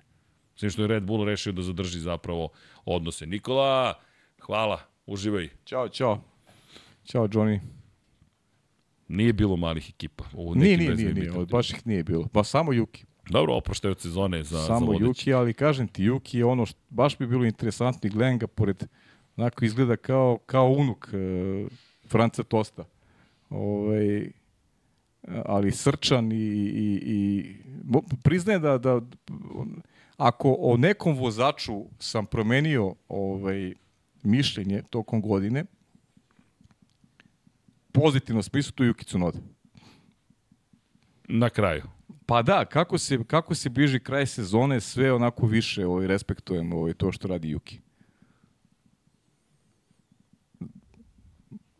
baš, baš, ovaj, baš ume da, da, da, da, da ovaj, Dobro, da ti nisi baš bio vozi. toliko nisam, za da, Juki, nisam, iskreno, iskreno nisam bio toliko za Juki, jer gledajući one, one Formula 2, Formula 3, gledamo ih toliko godina unazad, više bih volao da, uvijek sam govorio neki, neki drugi vozači bih više volao da vidim, ali sada mi je mnogo drago što Juki dobio, ovaj, što je dobio šansu da, da i sledeće godine ovaj, bude tu, tako da opravdao je nekako ovaj, očekivanja, pogotovo svojih ekipa, svoje ekipe, to je vajde najvažnije da, da opravda ta očekivanja i kroz te poene i kroz neke bitke koje je vodio, tako da zaista onako pohvala ovaj, na, na, na račun Jukija Cunode svaka čast za, za trkanje, pogotovo u posljednje vreme. Da, inače, kada pričamo, evo, javljaju mi se drugari, kaže, e, ne zaboravi da je Alfa Romeo odustao od sponzorstva Hasa. Da, to sam i Da, zaboravio. da, bravo, znate, ja sam, da, da. Oni su potpisali ugovor, to se da trebalo da se sponzorišu, ali na kraju dana da, morate pristati da sam to i zaboravio, mm. ali kada govorimo o, o tim promenama, da Aston Martin inače ostaje bez Cognizanta kao glavnog sponzora, pa će tu bi nastupiti promena. Eto, neki detalje, čisto za kraj sezone, ali sve u svemu, kada je reč o trci u Abu Dhabiju, kak, kako vi ocenjujete? Ček da pitamo publiku u studiju, kako je vam bio Abu Dhabi? Otprilike, o, ovo su komentari. Odmahivanje glavom, sleganje ramenima i, i, i to je sve. Izgleda da. sam jedino ja bio uzbuđen pošto nisam komentarisao, jao što je šareno otprilike. To je meni bio utisak. Pa Ali, nije, verovatno, stvarno nije. Pa, ja, sam, ja sam iskreno rekao, ja sam ovaj, tu drugu polovinu ili od momenta kada su završili sa promenom guma, ja sam gledao, sam bacao pogled na MotoGP, znaš, i mogo sam, pa znaš i sam koliko je kompleksno pratiti više stvari Znam. ovaj, kada je trka Formula 1 u pitanju. Znaš da sam krenuo da prokomentarišem kadar u jednom trenutku. Evo ga Daniel Ricardo. Da, da, da, da. E, Evo, evo ga. Evo ga, Peko Evo Banjaja. ga, Peko. Čak sam rekao na kraju, znaš, koliko sam ono, koliko su mi sludi iz brojka, rekao sam 20 pobjeda Maxa Verstappen. Onda E, sam, sa, onda sam E, imao si matematika... neko, ovaj, jao, neko te stavio za, za, za Ferrari je napao Ferrari. Tako nešto je bilo, da znaš. Aha, To su pa na dobro, Twitteru je pustili, rekao ljudi, ko zna šta smo sve izjavili Ma tokom da, godina, da li ste svesni. Dakle, tako, ne, ne, ne, rekao si Ferrari će se, ne, ne, Ferrari će smanjiti razliku u odnosu na Red Bull u šampionatu konstruktora. A da, je, ali ispravio se odmah, sad se sjećam, da. Ispravio se odmah, da. to sve. Odnosno na A Mercedes, razmišljam da. šta Paja vidi trenutno, šta ne vidim. Razmišljam šta je video, znaš, i ovako razmišljam, a, okej. Mercedes, Mercedes. Pa dobro, Ali ispravio, odmah sam se ispravio, to, zna, tačno znam, da. Teoretski moglo se desiti da smanje razliku, ali stvarno, da, da, da. ali je bilo zabavno. Dobro, ali je ljudi, ovako krajnje ljudski, naporna sezona. Ovo je ovo je septembar, oktobar, novembar, ovo azijsko, A ne samo turneja. ne možete da shvatite koliko je napornija, uh, koliko je recimo nenaporna bila 2021. Ono, O- ono te puni adrenalinom. Ono nema, ono nema trunke napora. Ono je čist užitak, čist adrenalin. Ovo je naporno, ljudi, kad uh, završe kvalifikacije i ti sedneš i kažeš, sa sobom i kažeš, znači ok. prva krivina i doviđenja. Ne, Znači, ti, smo koment... je- Ali, izvini, Pa da, ali to, to, to je to, znaš. I ti onda tu, to je naporno, znaš. To je naporno za mozak. Jer, jer kad je nešto predvidivo, to je naporno. A kad imaš neku borbu, kada očekuješ neku bitku, e onda je to lepo. To je onda ono lepo i za posao, lepo svima i da gledaju. A ja verujem da je tako isto i publici. Znaš, ljudi vole da gledaju Formulu 1, sednu i ako ne viju za Maxa Verstappena, kažu aha, ide ovaj sada prvu krivinu i, i, i to je to. Nema šta se gleda od trke. Ali to je ljudska, to je normalna reakcija. Tako da, Inače- tako da jeste bila. Meni je stvarno bila naporna ova godina, najiskrenije. Naporna mi je bila na račun te predvidivosti, jer, jer to je nešto što vraćamo se na Luisa Hamiltona, da ne mislite da ja sad pravim razliku. Ne, meni je tako bilo u vreme Luisa Hamiltona. Meni je tako bilo u vreme Mihala Šumehera isto. Ali što kaže Srđan, čak ni u tim varijantima nije bilo ovako. Nije bilo ovoliko dominantno. Ne, mi smo se samo videli posle kvalifikacija, pa je došao do vrata, gleda me i ja isključujem mikrofon. Prva krivina, prva krivina. Obojica samo smo to isto Ma rekli, da. bukvalno to nam je light motiv. Prva, Prva krivina, krivina. Prva krivina, okej. Ne, I- ne, i znaš šta, me, znaš šta meni ne- fali u ovoj sezoni? Ja, ja nemam ništa protiv Red Bulla. Ili onda Mercedesa. Meni fali u Red Bullu Lewis Hamilton. Uz Maxa Verstappena. Pa da vratimo se onaj period 88. McLarena, pa izvolite. Njima ne nedostaje. Izvolite vas dvojica, trkajte se. Jao, čitao Da sam vidimo ko je najbolji. tweet, ne, navijač, ne znam tačno koji, Red Bulla kaže, Hvala RB-u 19. Najzad mirna sezona da ne moram da, da, da patim da li će biti osvojena titula Pa da, ili pa neće to je to, biti. pa to ti, ja, ja, Ali, ja to opet razumem, znaš šta sam ti shvatio? RB 19 za 19 pobjeda. Razumeš? Oni su najavili šta će da se... A RB 20... RB 20 i RB 21, razumete? Dakle, već smo zabrinuti. Opa, uuu. Ode mikrofon, ali dobro. A šta je Ferrari? Ferrari 1 je onda napravio. Pa F1. A razumeš, F1. Ferrari 1. Zbog toga, F1. U Mislim tome... da će napraviti Ferrari 2 sled, za sledeću godinu. Vera, Boga. E, ali vidi, sa njihovim bizarnim imenovanjima, to je najzabavnija ekipa, to, tako istorijska velika, ti nikad ne znaš kako će se sledeći A, bolid dobro, to zvati. su italijani, to mora da bude neki... Neka šminka. Meni je najče bilo F, F14T. To mi je bilo najče. F1 4T. Pošto je to 2014. Pa onda F14T Fiat. Zato se zvao F1 4T, da bi pisalo Fiat, Fiat, zapravo, pa, da. a T kao zato što je nova turbo era. I ti namiš, čekaj, alo, dokoličari, ste napravili bolid ili ste mu dali dobro ime. Ali, bar je, bar, šminka je bila savršena. F1 4T Fiat. Okej. A, To je bio interesantan logo. Pa vidi, tako su ga potpisali. Možda, možda je skup bio. Pozdravio ih je Fernando Alonso posle toga F1 4T, ali dobro. 4T, da. Može to zbog Alonsa, F1 4. Teško da je bilo, bilo zbog Alonso. Teška priča. Ali dobro. Tako, dakle, završena sezona. Tek ćemo da sumiramo utiske. Pa da, da, sumirit ćemo, da. nas. Ima sad nedelje koje prestoje da malo ocenjujemo, da se malo bavimo. Da, evo molba. Imaćemo, Pišite- pa malo ćemo razgovaramo sledeće nedelje o, i o ovim testiranjima. Kako Tako da ne, imamo mi imamo- vesti, promene. Da, Za ček, mene, čekamo, čekamo šta će biti sloganom u da krajnjem meni slučaju, drama, to je- upravo to ti kažem. Ja imam Ja dramu. da tebi, vidim da, si- da si ne, ne, Napet ovaj, sam, da si vidi kako sam se da. stisao. Ne, da ne znam da li će ostati čovjek ili neće ostati. Da, to je baš... A koga bi volio da dođe? Za, ko, za ko, koji vozač bi volio da Pa dođe ja ako sam, ne ja dolazi? sam, on? ja, ja sam negde razmišljao o Miku Šumacheru, a ali ovaj ali volio bih neko, znaš, Imam ja odgovor za tebe. Pa ne, Dopašće ti se na kec. Ne, ne, evo sad ću ja ti kažem, ja bih volio Frederika Vesti. Tako je, Frederik Vesti. Zamisli Vesti Ja, bi- ja bih ja bih volio, ja bih potpisao odmah sad, znači ja bih kako sad do, do plafona kad bih čuo. Frederik Vesti najbolji vozač Formule 2 ove godine. Pojeo je Teo Pušer. Ali, ali nije I ne sviđa mi se, uopšte te Teo Pušer osvojio titul, moram priznati. Čak sam malo i navio, što opet nije profi, ali sam navio za, za Frederika Dobro, bar Vestija. si iskren. Pa iskren, ali znaš zašto sam navio? Ne zato što ja Znam. sad kao prefi, nego zato što mi se mnogo dopalo kako je dečko odradio sezonu, zbog toga sam navio. Mislim da je zaslužio. Ne može da bude šampion s jednom pobedom u sezoni. Ali može. A da je vice šampion neko ko ima šest pobjeda.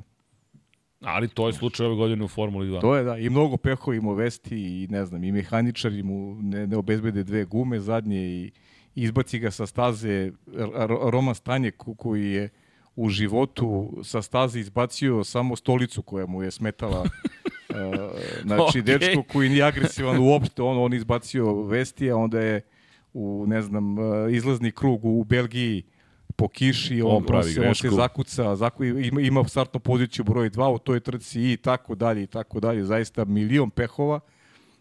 I onda momački odveze ovaj vikend, pobeda u sprintu, treće mesto u glavnoj trci, stvarno svaka čast za u, u, u užitak ga je gledati. I to je ono što, znaš, kad, kad ti gledaš te, te mlade momke, Vesti ima 21 godinu, kad se pojavio u Formuli 3, znaš šta mi je bio reper?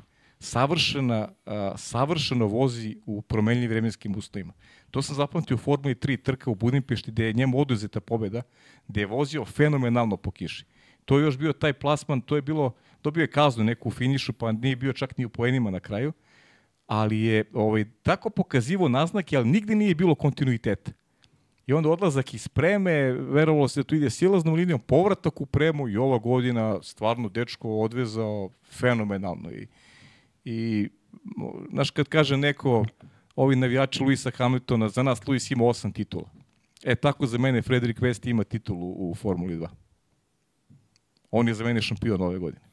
Dobro, bio je najspešniji po broju pobjeda, ali Teo Puršer... Sve, ne, naravno, najkonstantniji. Mateo Pušer je šampion. Kažem ti samo moj lični utisak, pošto sam sve trke gledao, Ovaj, sve sam komentarisao, meni je Frederik Vesti ostavio najveći utisak ubedljivo ove godine. Da, inače Jack Duan pobedio na, na ovoj trci u Abu Dhabi u glavnoj. Da. Frederik Vesti pobedio u sprintu. Znaš šta sam pre sezoni ja tipao na Jacka Duona da će biti šampion? Da. E sad misle će sledeće godine Jack Duan biti šampion. Da, samo ne sme da ponovi početak gde je bilo stani panj. Da, da. Baš je bio loš. Ali od, odlično vozi u drugom delu sezone. Drugi deo sezone mu o, Odlično. pripada mu, zaista je bio odličan. Odlično. I pohvalio bih Olivera Bermana, gde se vidi neiskustvo, vidi se mladost, Vidi se da neiskustvo i- pravi početničke greške gotovo. Ima, ima dar, to je, znaš da je on moj ljubimac, ali, Jeste, jeste. ali Oli Berman je nek, on je recimo bio baš pod utiskom uh, što je vozio formulu u Hasu a trebao je ekipi, trebao je premiju u toj borbi za titulu, međutim kvalifikacije očajan, bio je 17. u kvalifikacijama i u trci opet je pravio greške, brljotine u, u drugoj trci i tako da onako mm, loš vikend, realno, eto, da budemo iskreni, baš, baš loš vikend. Da, kada pričamo o Vestiju, eto, da konstatujemo da je treći bio u glavnoj trci Jeste. i na kraju završio 11 pojena iza Jacka Duna. Postojala neka teoretska šansa da pobedi. za te Pušer. I za te Porsche, izvinjam se, i da, da, da zabeleži najbrži krug trke, onda bi imao isti broj poena i zahvaljujući pobedama bi bio šampion. Ali dobro, bilo je zabavno, bilo je uzbudljiva trka na kraju. Bilo je super i Teo odradio, Teo je ovaj, imao drugačiju strategiju i, i Teo je lepo držao Teja, e, ovoga Frederika. Imali smo direktno trkanje u finišu. Na starim gumama Teo na novim vesti. Vestiju je trebalo malo duže da, da ovaj da skapira način na koji može da, da, da prestigne Teja Pušer. Stalno ga je obilazio na potez između peti i šesti krivine u onom pravcu. I onda mu vratimo u Teo na- u osma deveta na onom drugom DRS-u. E, kad ga je prestigao kod, na, na tom drugom pravcu, na osma deveta, između osme i devete krivine, e, tad je napravio razliku i uspeo kasnije dođe do trećeg mesta. Imao je, imao je sudar u finišu i kontakt sa, sa Enzo Fittipaldijem, čini mi se. Je li tako bilo? Da li bio? Ne, ne, Zek, Zek Maloni, pardon. Sa Malonije, međutim, Da, nije to je bilo. poslednji krug. Posljednji krug, međutim, zaista je bio trkački incident i nije tu bilo kazne za Vestija, nije bilo ni za Malonija. Meloni je ostao bez podijuma, Vesti završio eto sezonu sa podijum i tako se oprostio a, od, od preme. Inače, Kimi Antonelli dolazi, mladi italijan, 17-godišnji Jeste, premu. u premu. Jedan od redkih vozača koji eto, Preskočio. preskače tu Formulu 3. Uh, kažu da je veliki talent, Totas mu je bio, mu je bio dobar vozač. Uh, pričali smo Gabrielu Miniju, ali eto možda Italija dobija konačno jednog, jednog momka koji, koji bi u budućnosti mogao da, da, da, da onako dođe na velika vrata u Formu 1. Interesantno da je Kimi inače iz Mercedesove trkačke akademije, iz njihovog juniorskog pogona, mislim na Kimi Antonelija, baš kao i Frederik Vesti, tako da eto dva vozača, onako nešto stariji je Frederik Vesti, vidjet ćemo kakve ime budućnosti i da li ima eto, u onome što je Srđan najavio nekog potencijala da možda zaista Frederik Vesti dobije priliku u Williamsu. Ja bih iskreno voleo. Dakle, Isto, na, isto, na da. stranu po pitanju Logana Sargenta, Logan je dobio čudnu šansu, nije ju nužno iskoristio, ok, drugu sezonu da dobije, verujem da bi bio bolji, ali čak ni to nije zagarantovano. Često znaju vozači da u drugoj sezoni budu gori zapravo. Voleo bih iskreno da vidimo Frederika Vestija iz nekoliko razloga.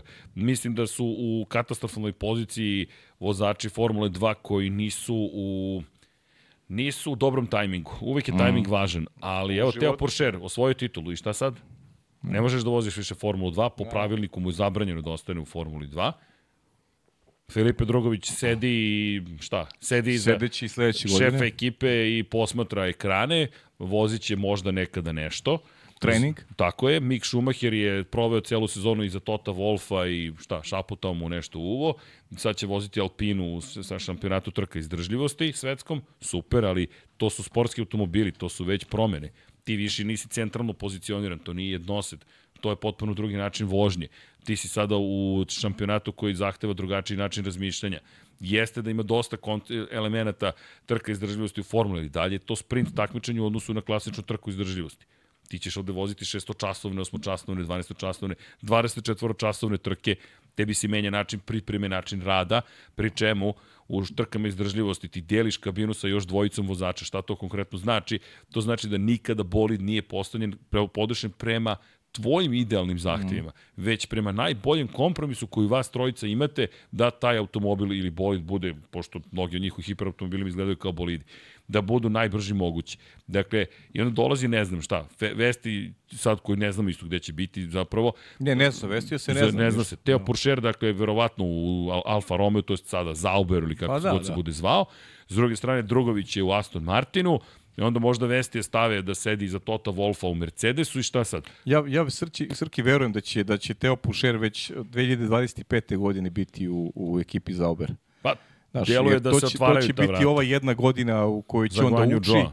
Da, on će da uči, pa ne znam, ili, ili Bota svejedno, znaš, neko od njih dvojice. Mislim Ili da, obojica. Mislim da će, da će 2025. biti priprema za 2026. Da će on dobiti tada šansu da se priprema za tu novu eru. Jer, jer na njega se račune. Pa, pazi, Teo Puršer je projekat. To što on nije odradio ovu godinu onako kako smo mi očekivali da ima samo jednu pobedu, ali Teo Puršer je projekat koji ima, koji ima leđe, znaš. I on će da on će ovaj dobiti svoju priliku, nemam dilemu, ali, ali da li će Filipe II izdobiti, veliko je pitanje. Pa. Ranije se podrazumevalo da šampion Formule 2 vozi u Formulu 1. Negde se neka vrata otvore. Tako je. Sada, toga, sad se podrazumeva da neće dobiti Tako gotovo. je, pa znaš od, od, od, kada? Od, od Davida Velseke. Dakle, Valseki je bio prvi primjer. Valseki je bio prvi primer, Valseki nije dobio nikakvu šansu. Evo ga glumi klovna sada po ovim, ovaj, o, dobro, Da, on malo i karakter, malo i karakter njegov je takav da da ovaj možda je, je i on To sam izgleda grešio, tako, možda i da. on sam grešio ovaj kada kada govorimo o nekim nekim procenama, ali ali e, stvarno je rekao si ključna reč timing. Timing je generalno u životu najvažnija stvar, a pritom Formula 1 posljednjoj nekoj dekadi, možda malo manje, znaš, mnogo je tu bilo vozača koji su plaćali ulaznicu za, za, za Formulu 1 i to je nešto što što prosto, prosto nije dobro. Opet razumeo sam timove, pogotovo u periodu, periodima kada su teško preživljavali, kada je bila ona, ona ekonomska kriza još kad je kod je Da, prihvatali su ljudi koji donose sponzore. Pa, samo to, samo je bilo bitno sponzorstvo i, i tu su se negde gubili ti talenti koji su, koji su nestajali. A ne bih volio da ove neke talente koje mi gledamo kroz Formulu 3, Formulu 2 da se izgube, već Pa dobro, evo ti, želim dobiju šansu. Jer Evo ti se kad porediš Sargent i Vestija, Pre, ljudi, to je nebo i zemlja. bukvalno. Ali ajmo, evo ti još jedan čovjek koga nismo spomenuli, a bio je u Formuli 1, Liam Lawson. Tako je. Liam Lawson sada je već, već je zaboravljen. Se neko seća Liama Lawsona? Da. Ljudi, to ide ovako, pa, pa, pa, pa, samo prođe vreme. Jeste. I onda kažeš, pa gde je Liam? Pa eno ga u Japanu. I šta ćemo sad? Hoće dobiti šansu zaista u Alfa Tauri ili kako god da se bude zvao tim, ako te oduševi neko iz Red Bulla u E, pionirskog e za, programa. zato je meni ne- neprihvatljivo koliko god ja, ti, ti vrlo, ti najbolje znaš koliko ja gotivim Nika Hulkenberg. Veliki sam fan Nika Hulkenberg uvek bio. Nisu se otvorile karte kad je trebalo.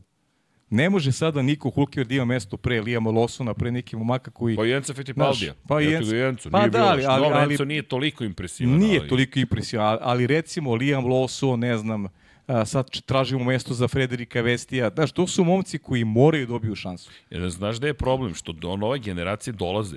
Neće njih biti manje, njih će biti sve više i bit će veće zvezde. Ta, talent, talenta, Timing- talenta ne manjka uopšte. Ali Ali samo im treba dati šansu. Ništa je više. čudo, jer vidi, e, ne, ovi svi sad momci su tu, zreli su da uđu u Formulu, 1, ne uđu. I sad dođe Antonelli i kažu, o, otkrovenje, nikad ranije viđen talent. Ok, izvoli.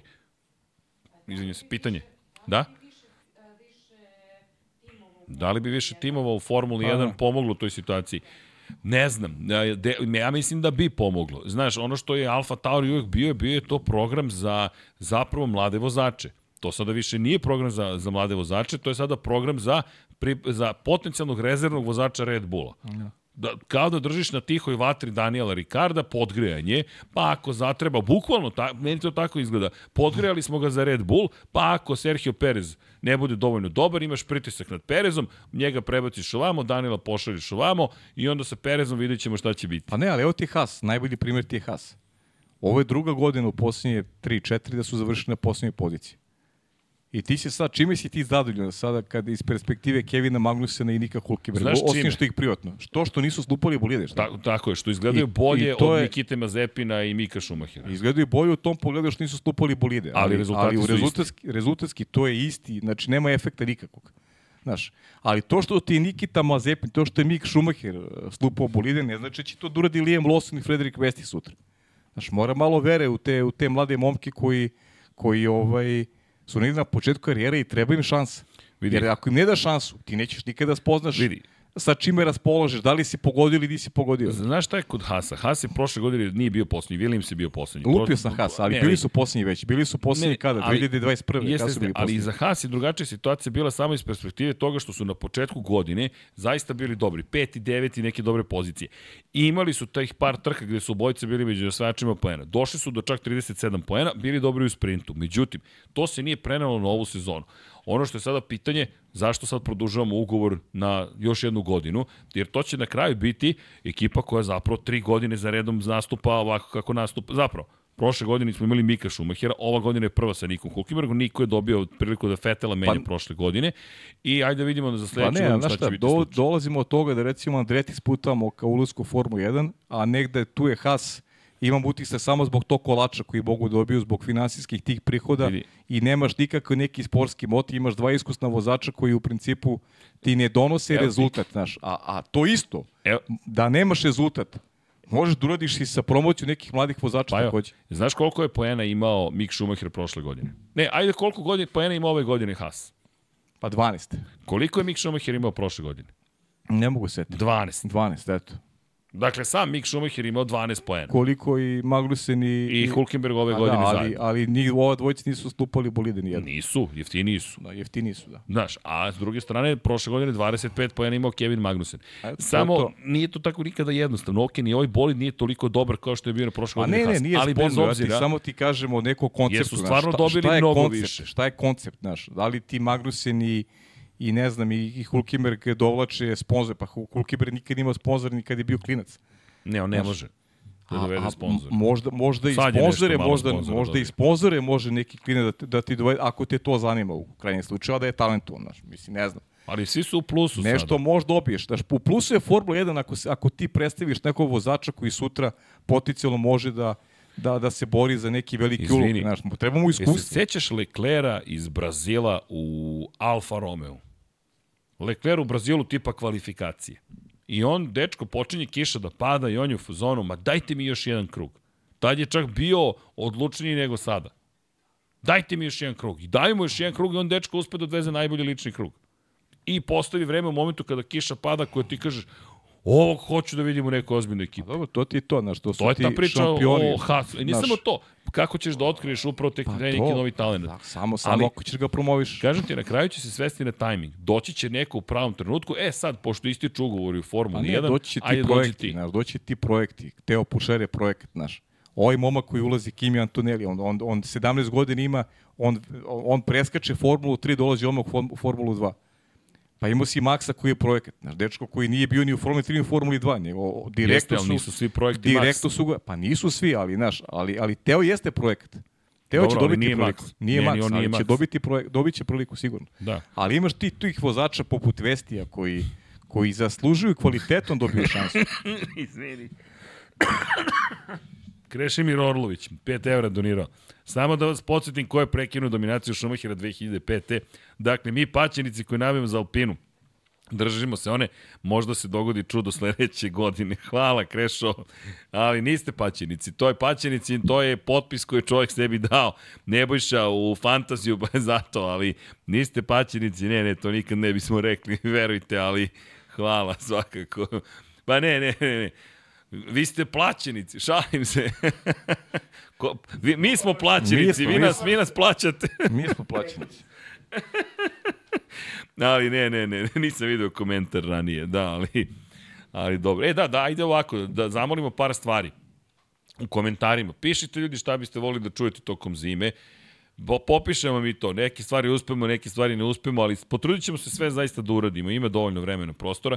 I još jedna stvar, kada govorimo o, zabavi, evo, dajte vi predlog kako Alfa Tauri da se zove. Racing Bulls kažu da će možda biti naziv neki.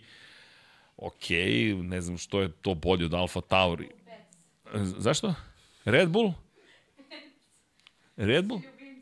Red Bull, a ne, ne, ne, ne, ne, to je surovo. Mada ne znam, Toro Rosso je meni bio sasvim u redu. Italijanska ekipa, ekipa, znaš. Kako, kako? Ne znam što se ne bi vratili, stvarno nemam pojma, ne znam, ne znam kako Red Bull to vidi i šta bih hteo, ali evo napišite vi neku, ne, neku, ne, nešto zabavno, pa da, eto, da, ispratimo, da ispratimo vaše predloge za ime. Sena podcast, Debandža. Pošteno, a, rekli smo ćemo sklapati McLaren, to znamo. Rekli smo ćemo sklapati još neke Lego kockice, to ćemo da napravimo neki specijal Lego, to ćemo da se igramo. E, kaže Dasis Walter, Racing Bulls i Re- i Red Bull sa AliExpressa. e, Milutin kaže, ja bih volao ACDC da čujem ponovo tokom zime. Nema problema. Znaš da sam svirao ACDC u 99 yardi? Rock and roll Ne znam, ain't noise pollution. Tam, tam, tam. Lojus, dobro. Toro Rosso i Vettel kao vozač. Uuu. Jeste, Ricardo i Vettel ponovo zajedno. Reunion. Znaš ono, posle 20 godina, ko Fraser sad što snima ponovo serije. Ko, znate, ste gledali Frasera nekada? Stara serija, 30 godina otprilike. E sad valjda ponovo snimaju. Bizarno izgleda kad to kao ponovo snimaš. Nemoj, pusti, završilo se, idite dalje. Snimi nešto novo. Je. Zovi se Rajsever, ne znam, obrni na, na opačke nešto izgovori, ali, ali dobro, Vettel i Ricardo. Kako bi se to zvali? Old Bulls. To mi zvuči isto kao i Maxi i Ricardo. Da, ko je koga izbacio, dakle. ali dobro, da. Daniel je trebalo mislim, da bude taj. Mislim, ni Vettel, ni Max ne, neće Ricardo, mislim, u tom, u tom smislu. A, u tom kontekstu. Ej, kaže, može li Pajno šta nas čeka u 2024. sezoni u Moto Grand Prix-u? Pa nemam pojma, ljudi, stvarno. Mislim.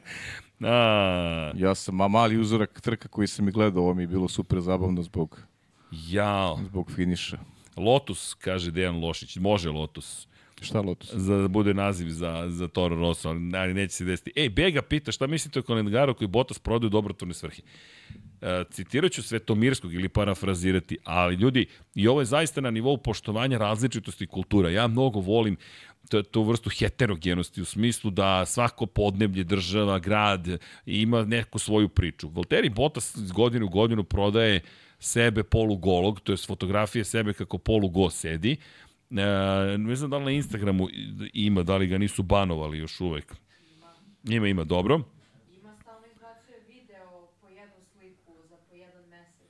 Sad ćemo Botas, Valteri, da ti pošaljem Valterijev, e, dakle, šta radi Valteri? Valteri prodaje u dobrotvorne svrhe. I sad, ovo je inače oktobar i on to lepo objašnjava čovek, evo, poslaćemo vam screenshot, šaljem ti odmah. Sebe polugolog. I uopšte nije šala. Ali ja mislim da samo u Finsku ili skandinavski zemlje možete dodati da se ne smete izložbi na kojoj neko sedi polugo. Zamislite Paja da sedi polugo i da prodaje svoju fotografiju. To smo se dogovorili, nismo se govorili polugo, Ne dogovorili smo se polugo, samo da... E, pretjerujte sad da vidi. Znaš šta, e, ne moramo baš u Finsku da idemo, zaista, nema potrebe. Ja ali... znam da bi se to mnogo prodavalo, ali ja, nema potrebe. Nemojte pretjerivati. Da, skočila bi nam gledanost Maksima, među maksima, damama, da, maksima. sa 34% na 74%. Pa i jače mislim. Da, evo, posle sam fotku, ovo je screenshot Valterijevog Instagrama, gde, da, po, pro, po, prodaje u oktobru, novembru, decembru 2024. i za svaku svoju fotografiju 5 dolara ide za Movember, to jest za boru protiv raka testisa i prostate, hvala. I zapravo on ulaže taj noć. Vrati, vrati, slobodno, pa šta si stidiš? Vidi kakav si stiljiv, kakav si puritanac. Vidi ga Valteri kako se ispravio. Sve s ovom frizurom. A meni više frizura boli, ali dobro. E, Šalu na stranu, šalim se, ljudi nosite koji god hoćete frizure, nemojte niko da govori kako treba ili ne treba. I inače, poenta jeste da se za 5 dolara od svake prodaje kalendara daje u istraživanje, dakle, za borbu protiv, jel te, raka testisa i prostate. Ono što je zanimljivo, web sajt se zove bota bottass.com. Njegovo inače ime se piše bottass. Tako da je to botass.com. I eto, podržite Valterija ukoliko želite. Ja mislim da ćemo da odemo da kupimo jedan kalendar i da ga okačimo ovde u studio. Ali stvarno svaka čast Valteriju što podiže svesti na ovaj način. U, u njegovom je duhu, u duhu je zaista koji je malo drugačiji, ekscentričniji možda, ali zar nije lepo to što smo različiti? Ta, tako da hvala kogod je, jeste, to ste vi spomenuli. A hvala, hvala, hvala. Nego povatam više, glava mi je na sve strane, ali Da, Bot S vas, eto, zo- poziva na podršku, ali jeste nešto to. treba još da uradimo u jednoj od sledećih misija, treba da zovemo Božije, da ne zaboravimo. Božija, ne, ne, apsolutno ćemo zvati Božija, nemojte ništa da brinete. Inače, a, samo da pričate, kaže, podcast, aha, BMW, samo da pričate o Maxu jedan podcast. Nema problema, nazvaćemo ga maksimalni podcast. Maksi, ja. Dosta. Vič ovde. Ej, samo da znate. Ja neću doći, nemam šta da pričam više. Samo da znate, 52 nedelje, obično imamo 52 podcasta posvećena Formula 1. 50 možda, imamo uzmemo odmor dva put godišnje. Pa da, malo manje, ajde. 19 smo ih imali ove godine posvećenih Maxu. Zato To ti kažem, jesi, ne, Ne znam šta bih rekao novo. iskreno. A, e, Bojim, bojim se da ću dosadim ljudima. e, kaže Hrvoje Osrečki dobru ideju ima. Komentirajte neku staru utrku. To bismo mogli da uvatimo neku Ja, trku da Srđane. iskomentarišemo, a? Pričajte o Hamiltonu, hoćemo. A, Bega kaže, iskreno, ja sam prvi koji uzeo taj kalendar i stvarno ne želim u jednu ruku izizanci, u drugu ruku još bolje, jer ide dobro tvore svrhe. Tako je, to jeste Da, da, to je poenta. ideja. Marija te podcast o svim Formula 1 šampionima, koliko su slični i različiti, pozdrav Makedoniji. Pozdrav za Mariju i Makedoniju. Pa dobro, hoćemo, ali baš i nemamo neke spoznaje o nekim Ne, ne, ne, ne, pa dobro, imamo knjigu. šampionima, da. A, ali zajedite da otkrijete više, kupite knjigu F1 šampioni. A, dakle, e, kaže, pot, ne, ne, Paja polu go jede šolju s likom Norisa. to je food porn. To je nešto drugo. E, To Audi, se pušta samo posle 24. Red Bullčić, kaže Zoran Mladenović. Raging Bull, ej, Raging Bull, dobro Mogu da zvuči. se zovu Red Bullčić, stvarno, to je, to je, to je najbolji predlog. do sada. Red Bullčić. Red Bullčić. Odličan predlog, sviđa mi se. ali sa CH i CH, Red Bullčić. Sad ne znam kako će to izgleda sad bez France Tosta, baš me zanima. E, Milutin, e, dogovorite, e, dogovorite kako polu go. E, odgovorite, pa evo, to po- pokazali smo Alfa Tauri, Red Bulla, Red Bullu, Verstappen Racing Team, verte. E, šta će biti sada sa Duonom, pošto će o, doći Bortoleto i Maini, šta će biti sa Vestim?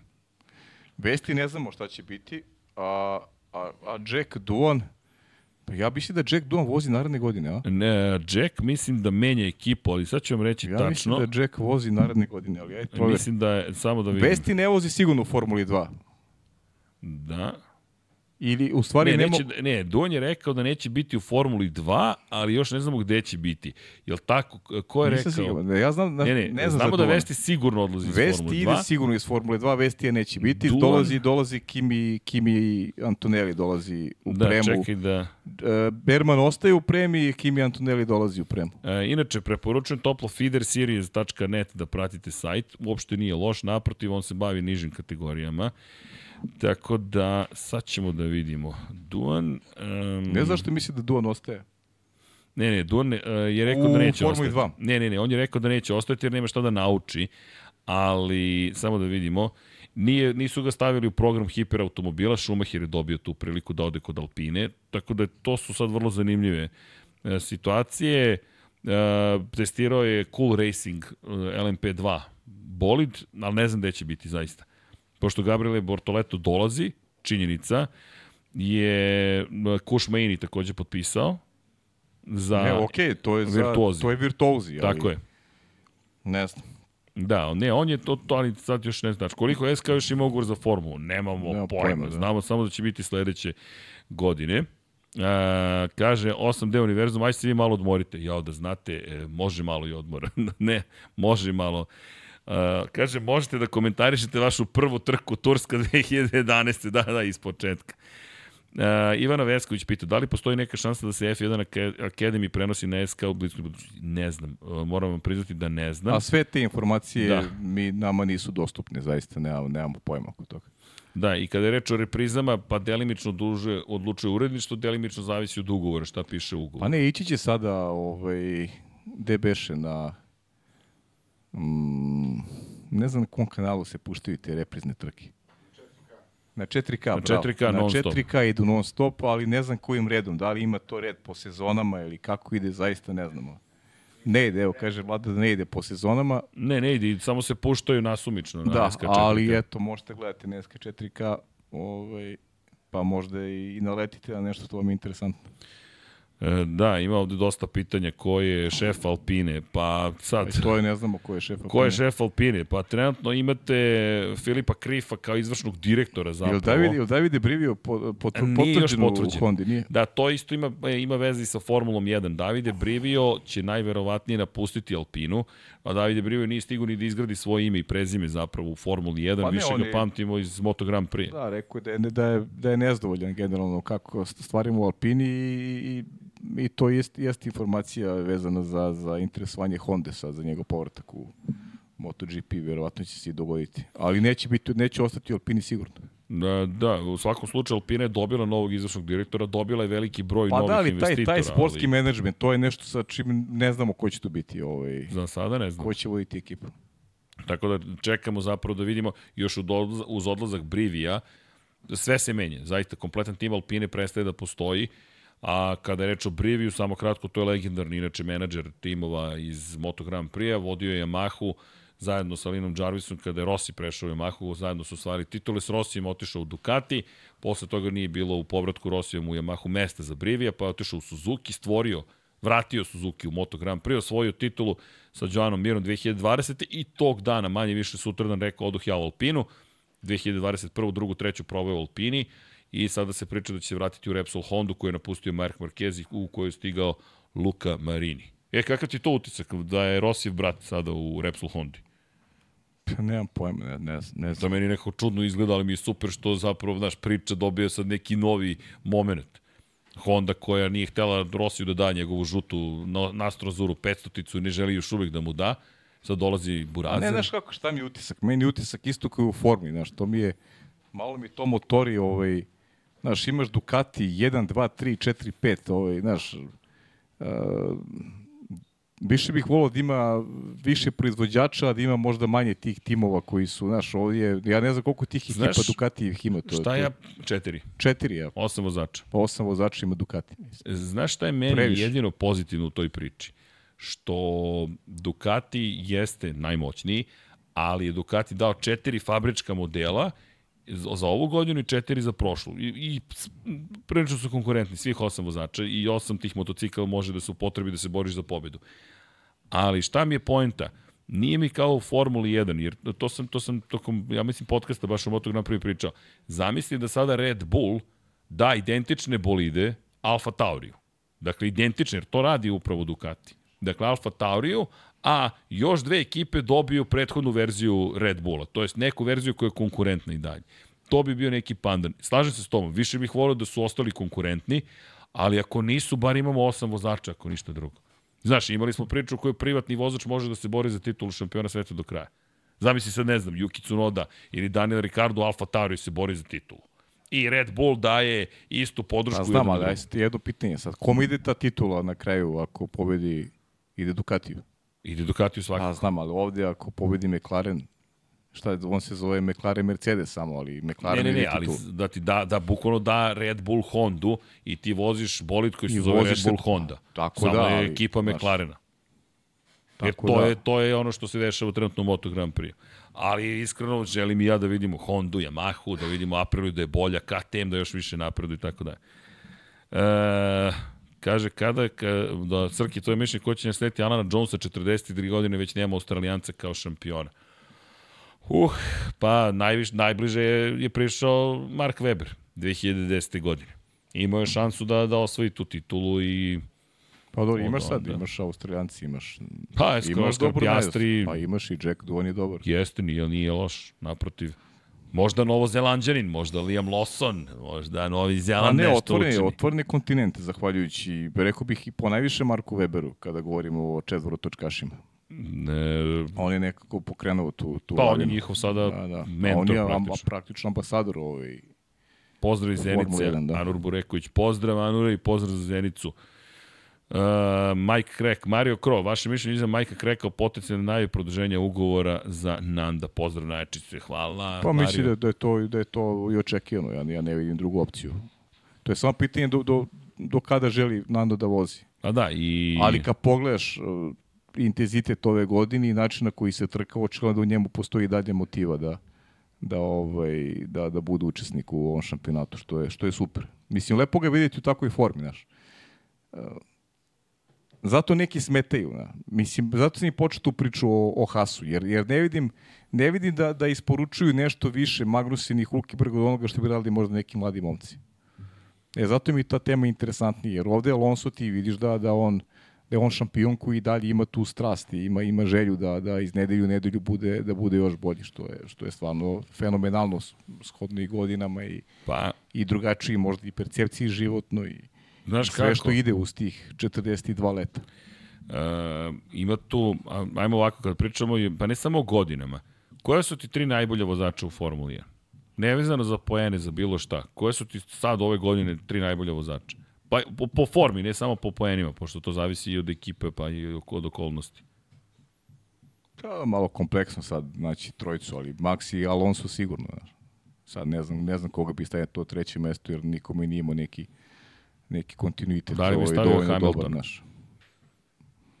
Pa misli Hamiltona bih stavio, on mi je, on mi je uz Maxa najbolji vozač. Znaš, Znaš. Ali kad pričamo, ti si mi rekao formi ove Da, da, godine. da, znaš. okej, okej, ali U ajde. formi ove godine, ovako bih stavio Maxa i Hamilton, oni su mi iznad, eh, onako za, za jedno kopi iznad ostalih.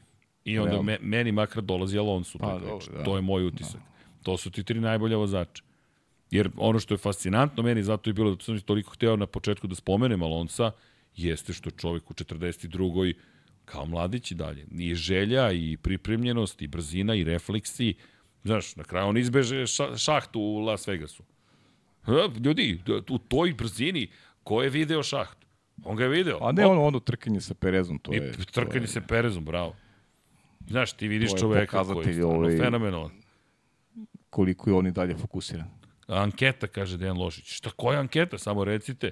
Dajte da vidimo. Uh, Andrija Dušanić pita šta se desilo s Grožanom posle onog incidenta. On je otišao u Indikar i tamo imao jednu pa drugu karijeru, ali uvek kontroverzni, Grožan. I tamo je pravio haos i izjavama i vožnjama. Ne znam šta će biti. U jednom trenutku je bio baš onako, baš, baš, baš dobar. Ali ćemo da vidimo. Uh, A i oni više obećavaju u tim nižim serijama. i- Pa imao je ogromnu podršku Totala, znaš, iza njega je stala Jest, jest. praktično francuska naftna industrija i baš su ga gurali, ali prosto to je to. Inače, kaže, može i podcast o brci, na sli, o čiki na slici za Srke. Ma, naravno da može. E, da, kaže Mohamed Hajdar, ako ćemo tako, Nemačka nije imala pobednik od 2019. i Fetela. Ko će biti sledeći? Nema nikoga u Formuli 3, Formuli 1, jedino Mik može doneti Pa to, pobedu. to je ono što je pričao i, To je to. i generalni Hasan Bratić i, imao sam prilike da, da razgovaram i s ljudima koji uh, su u nemačkom sportu generalno, da, da mnogo manje interesovanje ima uh, ne samo za automoto sport, nego za, nego za sport generalno. I to je sad jedna kompleksna tema. Ne bih da je širim ovde i definitivno kad pogledate ove niže serije, nema ni jedan nemački automobilista koji koji ovaj pleni blizu nekom nije pažnjom, toga. da. Bukvalno. Imali smo, imali smo u, kako se zove momak? Imali smo Formuli 3. Imali smo smo, Formulu 3 pre par imaš, godina. e, ne, čekaj, čekaj, zar nemamo Baha u Formuli 3? Ne Baha, nego GT. GT Bach, slušaj me, GT, da, da. dobro, Bach, GT, pa dobro, to ti to. Da, da, GT. Znam da smo jeste. imali, da, Imamo GT, GT, GT, bravo, GT, imamo izvini. GT, da. I, izvinjavam se, bacio sam se na umetnost, ali dobro. Vreme Da. je za odmor, definitivno. Čekaj, šta ću ti reći? Da, GT i ko još pored njega? Ne mogu se setiti, imali smo Mislim pre dve da, godine. Ali evo, to ti to, imaš Sofiju Flörš, imaš Olivera Gete i to je to. Da, imali smo onog momka koji je porekloma sa, da li sa Kosova recimo, i znaš da je vozio u Formuli 3. Nemam Ima nemački pojma. pasoš, pa imali smo Mm, e, čekaj, sad ću ti još- reći. 2022. Imaš, uh, na koga mi, na Zendelija za, na Zendeli. Lirim Zendeli, da, Jeste, Lirim imali Zendeli. smo Zendelija i imali smo još jednog da u Formuli 3. Ali dobro, to je to, je to. Stvarno, stvarno male. A, a, a taj period, recimo, Mihala Schumachera, Ralf, imali smo Frencena, pa a, zaista velik Timo Glock, e, baš je bila najezda nemačkih vozača. Sada ih nema ni u najavi. Pa- Sada uglavnom kroz te niže serije dominiraju Francuzi. Najviše Francuza ima. Da, Francuzi guraju talenata baš, mnogo. I, nažalost, i, i, i nekih momaka koji su tragično izgubili svoje živote, talentovnih francuskih vozača, ali, ali generalno ta škola francuska ovaj, je, je nekako prednjači, rekao Pa- bih, u posljednje Pa vreme. jo, koji finec dolazi? Pa da, da, Koji nema, finec dolazi? nema, Znaš, nema, nema, nema ni ne- finac. Nemaš finaca nekih ozbiljnijih. Mm. Znaš, ti si u jednom periodu, Botas je bio kako god, A to se završava karijera čovjek ali koji je imao zato, pobede. ali zato si naš, dobio Estonce odjednom, znaš. Ovaj. Činjenica. Italijani se malo vraćaju, Pa da, Brazilci se malo. pojavljuju.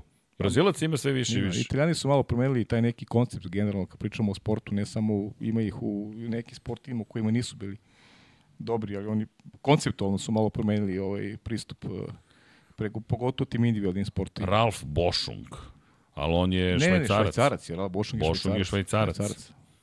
Da. Ali on je dečko, on je, on je, svo- ima talent, ali te problemi sa leđima su mu uništili karijeru, bukvalno.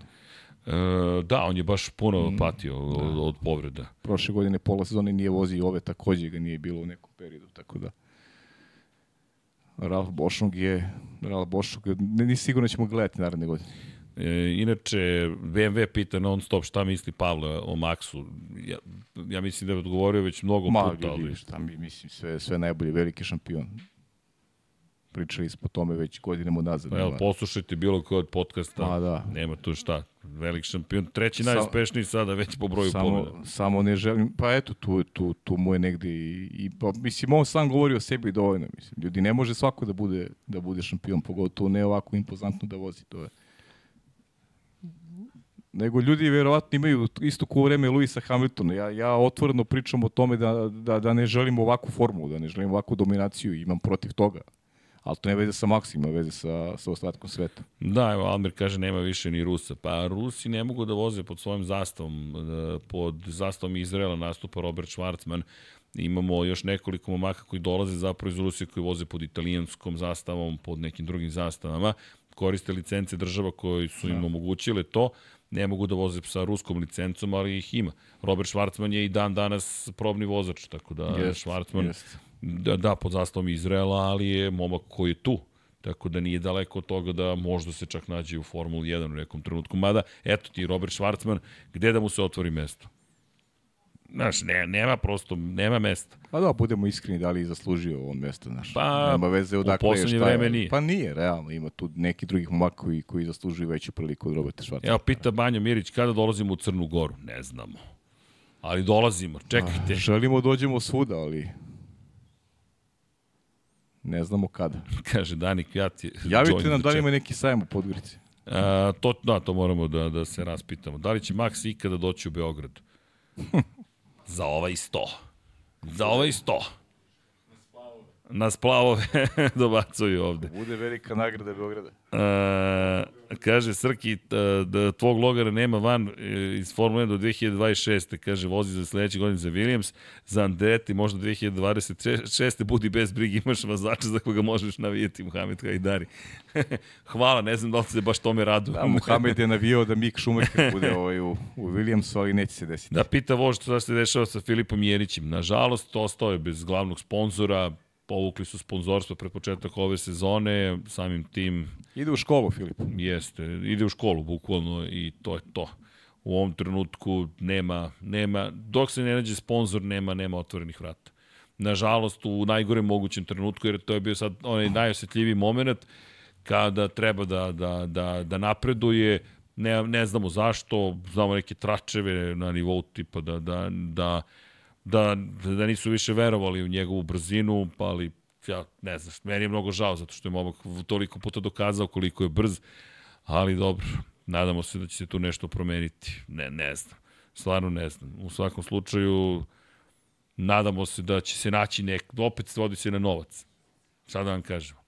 Jednostavno, porodica dok je mogla sama da plaća, plaćala je, onda se je došlo vreme za sponzore, pojavio se jedan sponzor, ali je odustao, I to je to, porodica ne može više sama. Jer to, to je ta priča i o Filipu Drugoviću, gde je porodica mogla da izgura do određenog momenta sama, više od toga nije, nije, nije mogla. Će doći u Beograd kada napuni kulturdove godine, da jede ćevape i pije rakiju. ne verujem da će Max doći nikada da... Nije- nije da, on taj tip. Ne, ne, ne, ne, ne. On može, možda nešto drugo, ali, ali teško. To ćemo E. pre Ricarda gledamo ovde na ćevapima i Ricarda, na rakiji. da, Ricardo mislim da njegov... On je odavno za ćevapi i rakiju. Njega, pa mislim da njega čeka ta sudbina. On je već trebao da se toj karijeri podredi.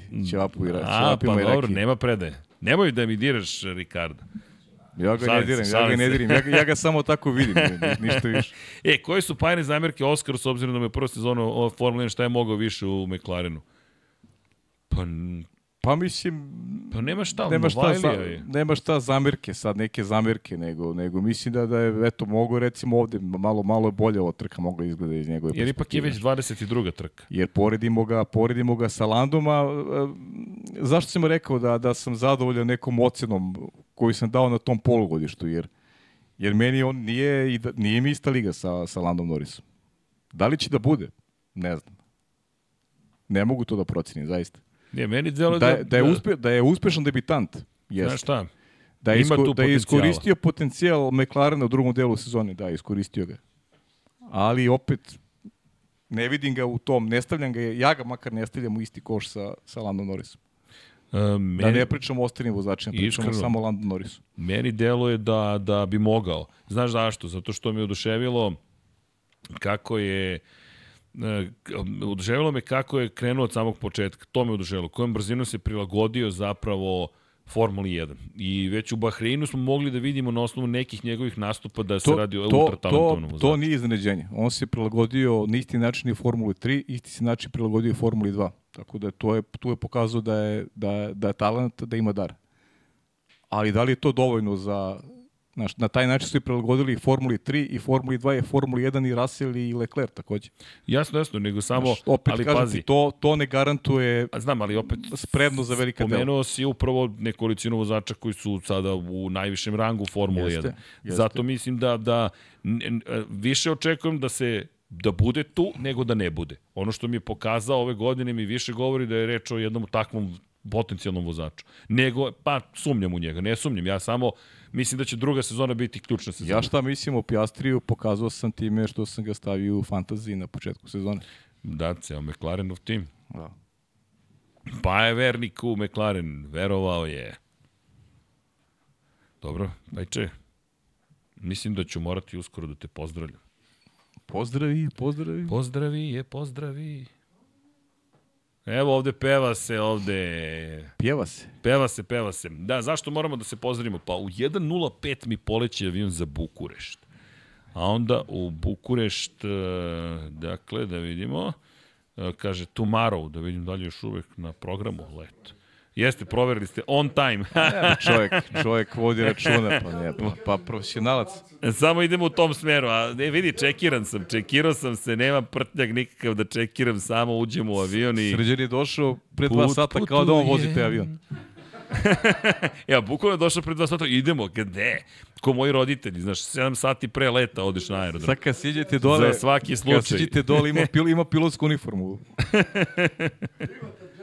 A, da. Da, da, privatan jet. Šta, već nije spreman? O, pa neću da idem. Jet 76. O, idemo na Jet New York Jets. 76. To, to, to. Pa ništa, Srki, kad ćemo na Green Bay i New York Jets? Dogodine. Bez zezanja, dobro. Eto. Napeto je. Mislim da treba sredimo studiju pre nego što odemo na utakmicu. Mislim da bi to bilo sasvim u redu. Znaš, možda da završimo započet posao prvo, pa onda idemo da Ne bi ludujemo. bilo loše, zaista. Hvala ti, pa, hvala ti. Čisto da vam skrenem pažnju na trenutnu situaciju. Upravo tako. Dobro, ali lepo, lepo izgleda osnovna konstrukcija. To je uvijek najvažnija to osnovna konstrukcija. Druge, Tu se stvari- lomi druge rezultat. stvari da. su manje bitne. Vazdušni tunel je spreman. Tako je. Duva tako je. promaje, tako da se Zvučiš mi, zvučiš mi kao Ferrari, znaš. I Njima, izgleda, izgleda, I njima je važno da bude ta osnovna konstrukcija. I znaš. da je lep naziv. Da. A šta će biti F1.4T. kasnije? F1.4T. Dobro, vidjet ćemo da će biti Ferrari 2 sledeći. godine. E, bi, biće, bi, biće, biće, biće zabavno. Da, na, napravit ćemo to kako treba. Ljudi, a, ne zamerite, ali moramo lagano da, da se pozdravljamo. Kaže, kafelce 7 bolje ste organizovani ne, nego Ferrari, a onda dodaj što i nije teško. da. da li dolazim u petak u 99 yardi? Ukoliko budem zdrav, dolazim. Zaista. Koliko ga dolazim. pozovu, doći će. E, Marko Zov, Srki idu blagdani, sada napravite podcast o F1 sa pečenjem i ruskom salatom. To je klasik, klasika. da, E, najčešće podrž za Paju od interniste sa sajma u Zagrebu. Juče smo remizirali. Situacija na tablici je za sad dobra. Mario Kro. Aha. I, interniste, interniste, A da. ne, ne, Inter, Juventus Inter igli je E, a interiste, ja rekao, Dobro, ja sam zadovoljan, moram ti kažem, ja okej, sam izvinjam zadovoljan sa 1-1 s obzirom da smo oslabljeni. 1-1 je dobra mera. Jedan, jedan, dobro. Da. Zadovoljan. E, ali znaš koga pozdravljam? Pozdravljam Lucijana, mislim da gleda. Lucijan, gleda, Pisao mi je, Lucijan. pisao mi je da ima želju da dođe gleda ovaj, neku košaku Partizan, ovaj, tako da moramo nađemo. Moramo sredimo ulaznice, Moramo to sredimo hoćeš ulaznice, hoće dođe sa drugarom, pisao mi je i danas i, i, i, pre, i prošle nedelje se javljao, tako da ćemo Može. nešto da osmislimo ovaj, ali da dođe Lucijan da gleda košarku. može, ali da uzme trofej za 20. mesto u, u fantaziju. 20 je bio. Da, da. Lucijan, top 20, momak koji nam je pomagao, volontirao na sajmu u Zagrebu. Inače, kada krenete za Green Bay, pojedite pa i ostavite kako kod nas u Čikagu, Konstantin Narević. Može, može. Može, ali samo da znate, pije samo čaj, čisto upozorenje. Može još ako, još ako ima neki, ako igraju Red Wings i nešto protiv Black Hawksa u Chicagu, odlično, Da. idemo, idemo, gledamo hokej. Dobro, a u Detroit. Što ja preferiram moje muške sportove, ne gledam ovaj, ovaj, ovaj NFL. A ja, Srki, hoćeš da mu objasniš ofanzivni linijašu? Znaš kad se Srki iznervirao na utakmici i neki defanzivac ga je nešto, šta, ne znam šta mu je radio, prozivao, prozivao, prozivao, prozivao, prešao granicu čovek. I Srki kreće akcija, uh, i Srki ga ovako uzme i unese ga u end zonu. E, naravno napravi prekršaj, Jimmy, naš Ivan Nedeljković, hteo je da ga eliminiše istog trenutka, ali imaš snime kako ako nosi čoveka, kao u filmu. I onda ga stavi ovako u end zonu i to je bilo to. Iznervirao se. Očekivao sam da će biti malo nervozniji ovaj, poklonici američkog futbola. Teo sam malo da vas provociram. Gde progleda? Kakva, ne, mi smo toliko sigurni u sebe, to je, to je Pajo legenda, evo Boško te pozdravlja. ne, ne, verujem, najgori si. e, kaže, da li će trka ikad biti u Srbiji Formula 1? Ljudi, Pa, za našeg života neće. Bukvalno, znate, mnogo je daleko. Toliko je daleko, da baš toliko, Toliko je teško. daleko da je teško reći možda, možda su i vekovi u pitanju. Bukvalno, ali nažalost, a šta da kažete. da. E, Respekt za Srkijevu majku koja će biti budna da prati let. Žena neće spavati noćas jer u jedan A, svaka mu. krećemo, slećem u Bukurešt za sat i, i po i onda tamo po šest, to će biti pet ujutro ovde, polećem za Valenciju. Ali sam u devet u Valenciji. Našao sam bolju opciju. Rekao mi, deki, nećeš ovde da voziš do Bukurešta? Neću, leteću. da. Nisam Pa ni znao da. da ima direktno let za Bukurešt u jedan ujutro. Kad sam vidio, rekao, okej, okay, ajmo. A da i nije naš Bukurešt. Da, nije daleko iza vožnje Bukurešta. 1000 km. Ne Temišvar, ja sam isto mislio da je Temišvar, da se Da, Bukurešt, Bukurešt, da. jao, ima da se vozi. Sat i po se leti. Tako, e da, Igor Marković, doći će nam Igor Marković, imate puno post. Pisao Ja, mi je čuo tokom sam, trke. čuo sam ga, da ja Pisao mi sam. je. Bila njegova ekipa drugara u Valenciji. E, rekao mi da, rekao mi je i to, ovaj, da. Mislio da si ti u Valenciji, tad mi je pisao, mislio da si ti u Valenciji, pa, pa je hteo da, da uveže ovu ekipu sa tobom. Ne, ne, tek stižem u Valenciju, eto, sutra, Da. uživo. Podcast iz aviona. Ne, ne, Igora mora da vedemo, da. Da, da. Nije, nije dugo bio. Pitanjce.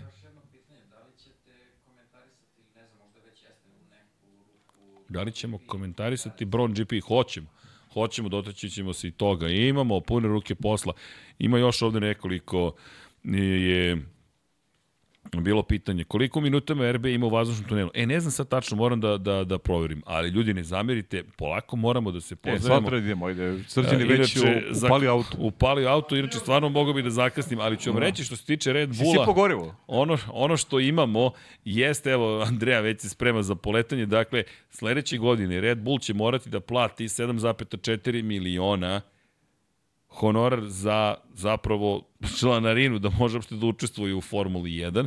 Zašto? Zato što zapravo vi morate da platite za svaki osvojeni poen, to jest imate osnovni, osnov od 500.000 dolara koji morate da platite i plus 5.000 dolara za svaki osvojeni poen. I za šampiona u konkurenciji konstruktora plaćate još 6000 dolara. Tako da, kada uzmete, kada se uračuna inflacija i saberu svi poeni koji moraju da budu plaćeni, 657.837 dolara je osnovni honorar, to je osnovna cena, plus 6.575 dolara za, za svaki poen u šampionatu dakle, timova, to je u šampionatu vozača, za svakog vozača i i plus 7893 po poenu za šampiona u konkurenciji konstruktora, što će reći do 10. decembra moraju da plate 7 miliona 445.817 dolara samo da bi učestvovali Inače, Mercedes kao drugoplasirani mora da plati 3 miliona i 347.102 dolara, a Ferrari 3 miliona 327.287. Eto, fun fact za kraj. Dakle, koliko će da košta naredne godine samo da se učestvuje u šampionatu sveta. Dobro, dragi ljudi, dođu smo mi do kraja sezone. Pričat ćemo još o ovoj sezoni, istorijska, veličanstvena, maksimalna, zaista dominacija čista, slave ovde na maksimi navijači, nikad viđena do sada, 19 pobjeda u 22 trke, 86,4% uspešnosti, 21 pobjeda u 22 trke Red Bulla, jedna pobjeda nekog drugog, da vidite lica ljudi koji su u studiju, polako tonu, Ferrari je zabeležio triumf, nasmejana je samo Andreja, bukvalno jedina nasmejana zaista od uva do uva, ali to je istorija ljudi i u njoj treba uživati. Max Verstappen pokazao da je ubedljivo najbolji trenutno, Red Bull zajedno sa njime, Abu Dhabi im je takođe pripao, pokoren, Mercedes odbranio poziciju u šampionatu konstruktora broj 2, Ferrari treći, Fernando Alonso je to četvrti za Luisa Hamiltona i Serhije Pereza, za Red Bull još jedan istorijski uspeh iz njihove perspektive, prvi put u istoriji da imaju šampiona i vice šampiona, sve su što su mogli osvojili, oborili rekord star, koliko pa je, 35 godina, od 1988. godine nismo imali ekipu koja je zabeležila 11 ili više pobjeda za redom, oni su ovde naređali ove godine 15 pobjeda onako lagano u jednom tempu, bez ikakvih problema, od početka godine praktično dominiraju i eto, mi imamo neverovatnu jednu situaciju, delovalo je da ipak neće baš biti tako, 14 pobjeda u prvih 14 trka sezone, u 15. je u Singapuru slavio Carlos Sainz, pobjeda iz prethodne godine u Abu Dhabiju donala tu 15. uzastopnu,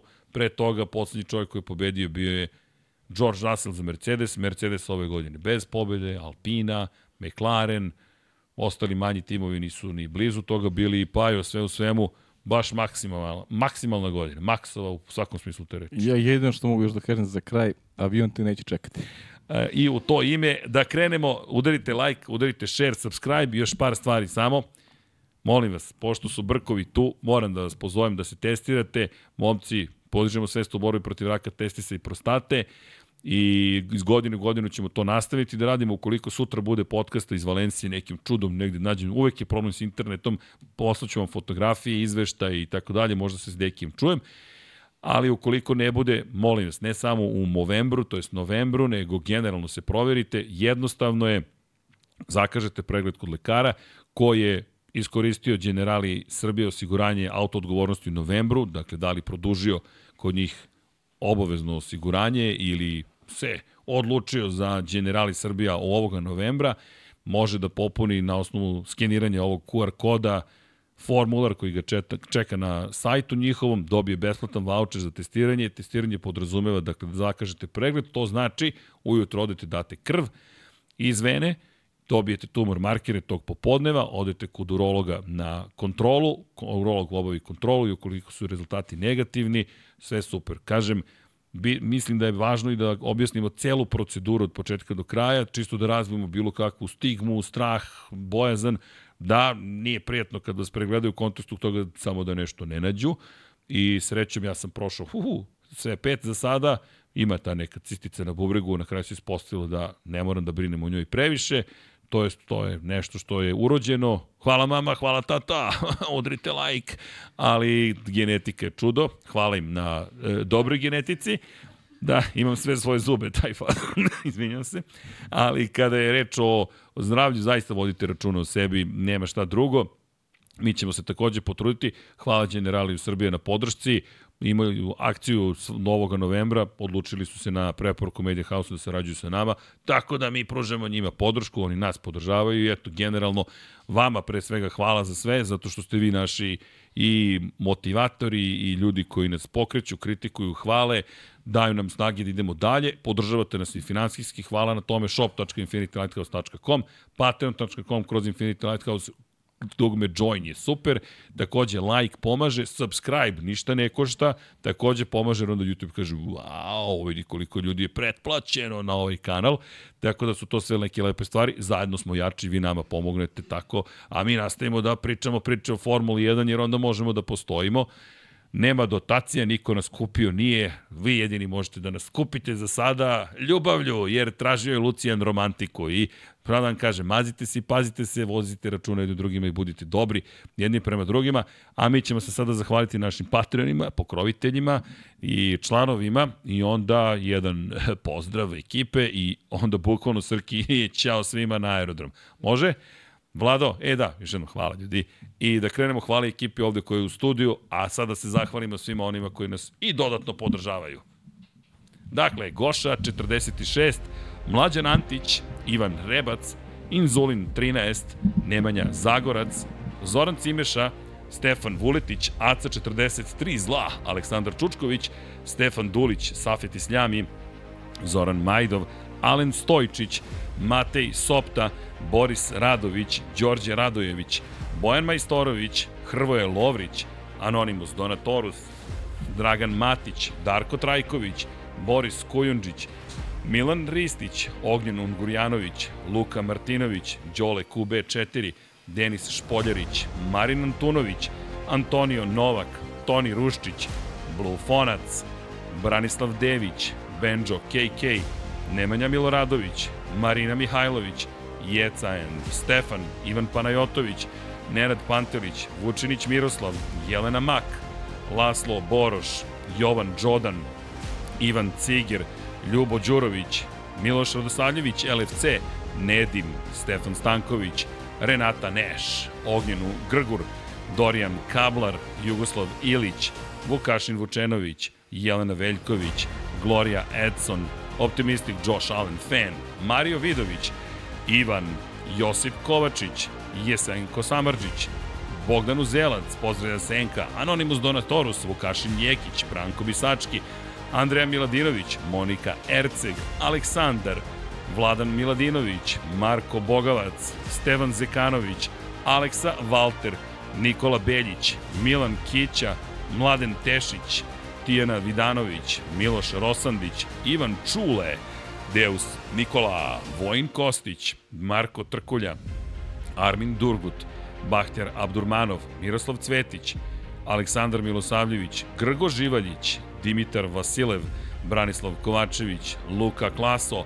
Boris Gvozden, Šefko Ćehić, Živojin Petković, Marko Radanović, Marko Ćurčić, Aleksa Jelić, Ivan Sović, Dejan Đokić, Peđa Janković, Vladimir Petković, Ružica Stefanović, Vamblisapa, Stefan Prijović, Aleksandar Bobić, Nikola E, Ivan Maksimović, Anonimus Donatorus, Ivica, Ivan Milatović, Luka, Čigi Bao, Stefan Lešnjak, Ivan Maja Stanković, Ertan Prelić, Stefan Ličina, Mladen Mladenović, Andrej Božo, Strahinja Blagojević, Emir Mešić, Petar Nujić, Danka, Matija Binotto, Dejan Avić, Žarko Milić, Lj. Đurović, Andrija Todorović, Kovačević, Omer, Marko Kozić, Zoltan Mezeji, Stefan Vidić, Đorđe Andrić, Ljiljana Milutinović, Miloš Banduka,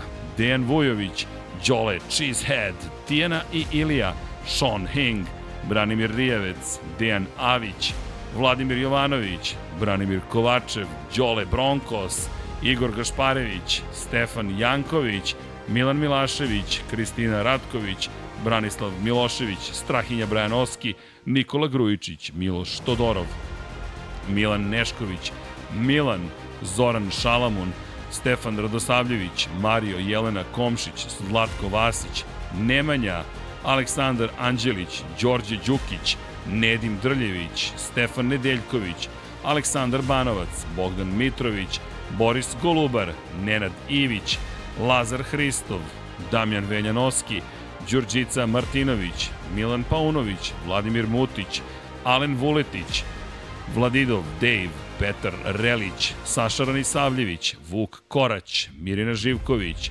Marko Kostić, Bojan, Zorana Vidić, Aleksandar Radivojša, Lukas, Ante Primorac, Branislav Marković, Marko Marković, Miloš Broćeta, Kimi Rajkonen, Novak Tomić, Aleksandar Mitrović, Aleksandar Antonović, Andreja Branković, Jasmina Pešić, Daniela Ilić, Katarina, Neđo Mališić, Mladen Krstić, Nikola Stojanović, Aleksandar Jurić, Mirina Kovačević, Andrej Bicok, Dušan Delić, Aleksa Vučaj, Bojan Bogdanović, Dimitrije Mišić, Nemanja Jeremić, Crnogorski Džedaj, Marko Petrekanović, Armin, Nikola Marinković, Aleksa Lilić, Vladimir Filipović, Andreja, Vlada Ivanović, Miloš Vuletić, Nedo Lepanović, klub štovatelja Ramona Mireza, Bata Brada, Kristijan Šestak, Igor Jankovski, Bojan Markov, Ivan Toškov, Pavle Nj, Đerman, Đorđije Lopušina, Simović Sarajevo, Nenad Simić, Ivan Simeunović, Miloš Rašić, Ivan Rečević, Igor Vučković, Nikola Božinović, Predrag Simić, Jugoslav Krasnić, Salim Okanović, Mihajlo Krgović, Životić Jovan, Da žena ne sazna, Zoran Baka, Marko Marković, Filip, Bojan Mijatović, Luka Manitašević, Veselin Vukićević, Borko Božunović, Vladimir Uskoković, Nebojša Živanović, Nikola Milosavljević, Đorđije Milanović, Daniel Kolobarić, Lazar Pejović, Vanja Radulović, Predrag Pižurica, Nemanja Labović, Žorž, Marko Blagojević, Dragan Nikolovski, Jelena Jeremić, Martin Gašpar, Luka Savović, Ferenc Laslofi, Mihovil Stamičar, Borislav Jovanović, Laslo Bolok, Klara Gašpar, Sava Dugi, Vladimir Stojadinov, Boris Erceg, Ivana, Dejan Janić, Dušan Petrović, Šmele, Nenad Đorđević, Dušan Ristić, Stefan Milošević, Sead Šantić, Marko Horg, Srđan Sivić, Matija Rajić, Borislav Vukojević, Kro Robi 0-0, Tomić Miloš, Zoran Mladenović, Mateja Nenadović, Nikola Božović, Kromid, Ejhil, Pujo, Domagoj Kovač Rajkov, Nedžad Mrakić, Škundra, Mrča, Vladimir Bulatović, Marina, Eldin Polovina, Nemanja Bračko, Marko Lučić, Hajrudin Hajdić, Mensur Kurtogić, Jovan Bojanić, Nikola Grđan, Bakadu, Marakos, Stefan Škrbić, Marko Bogavac,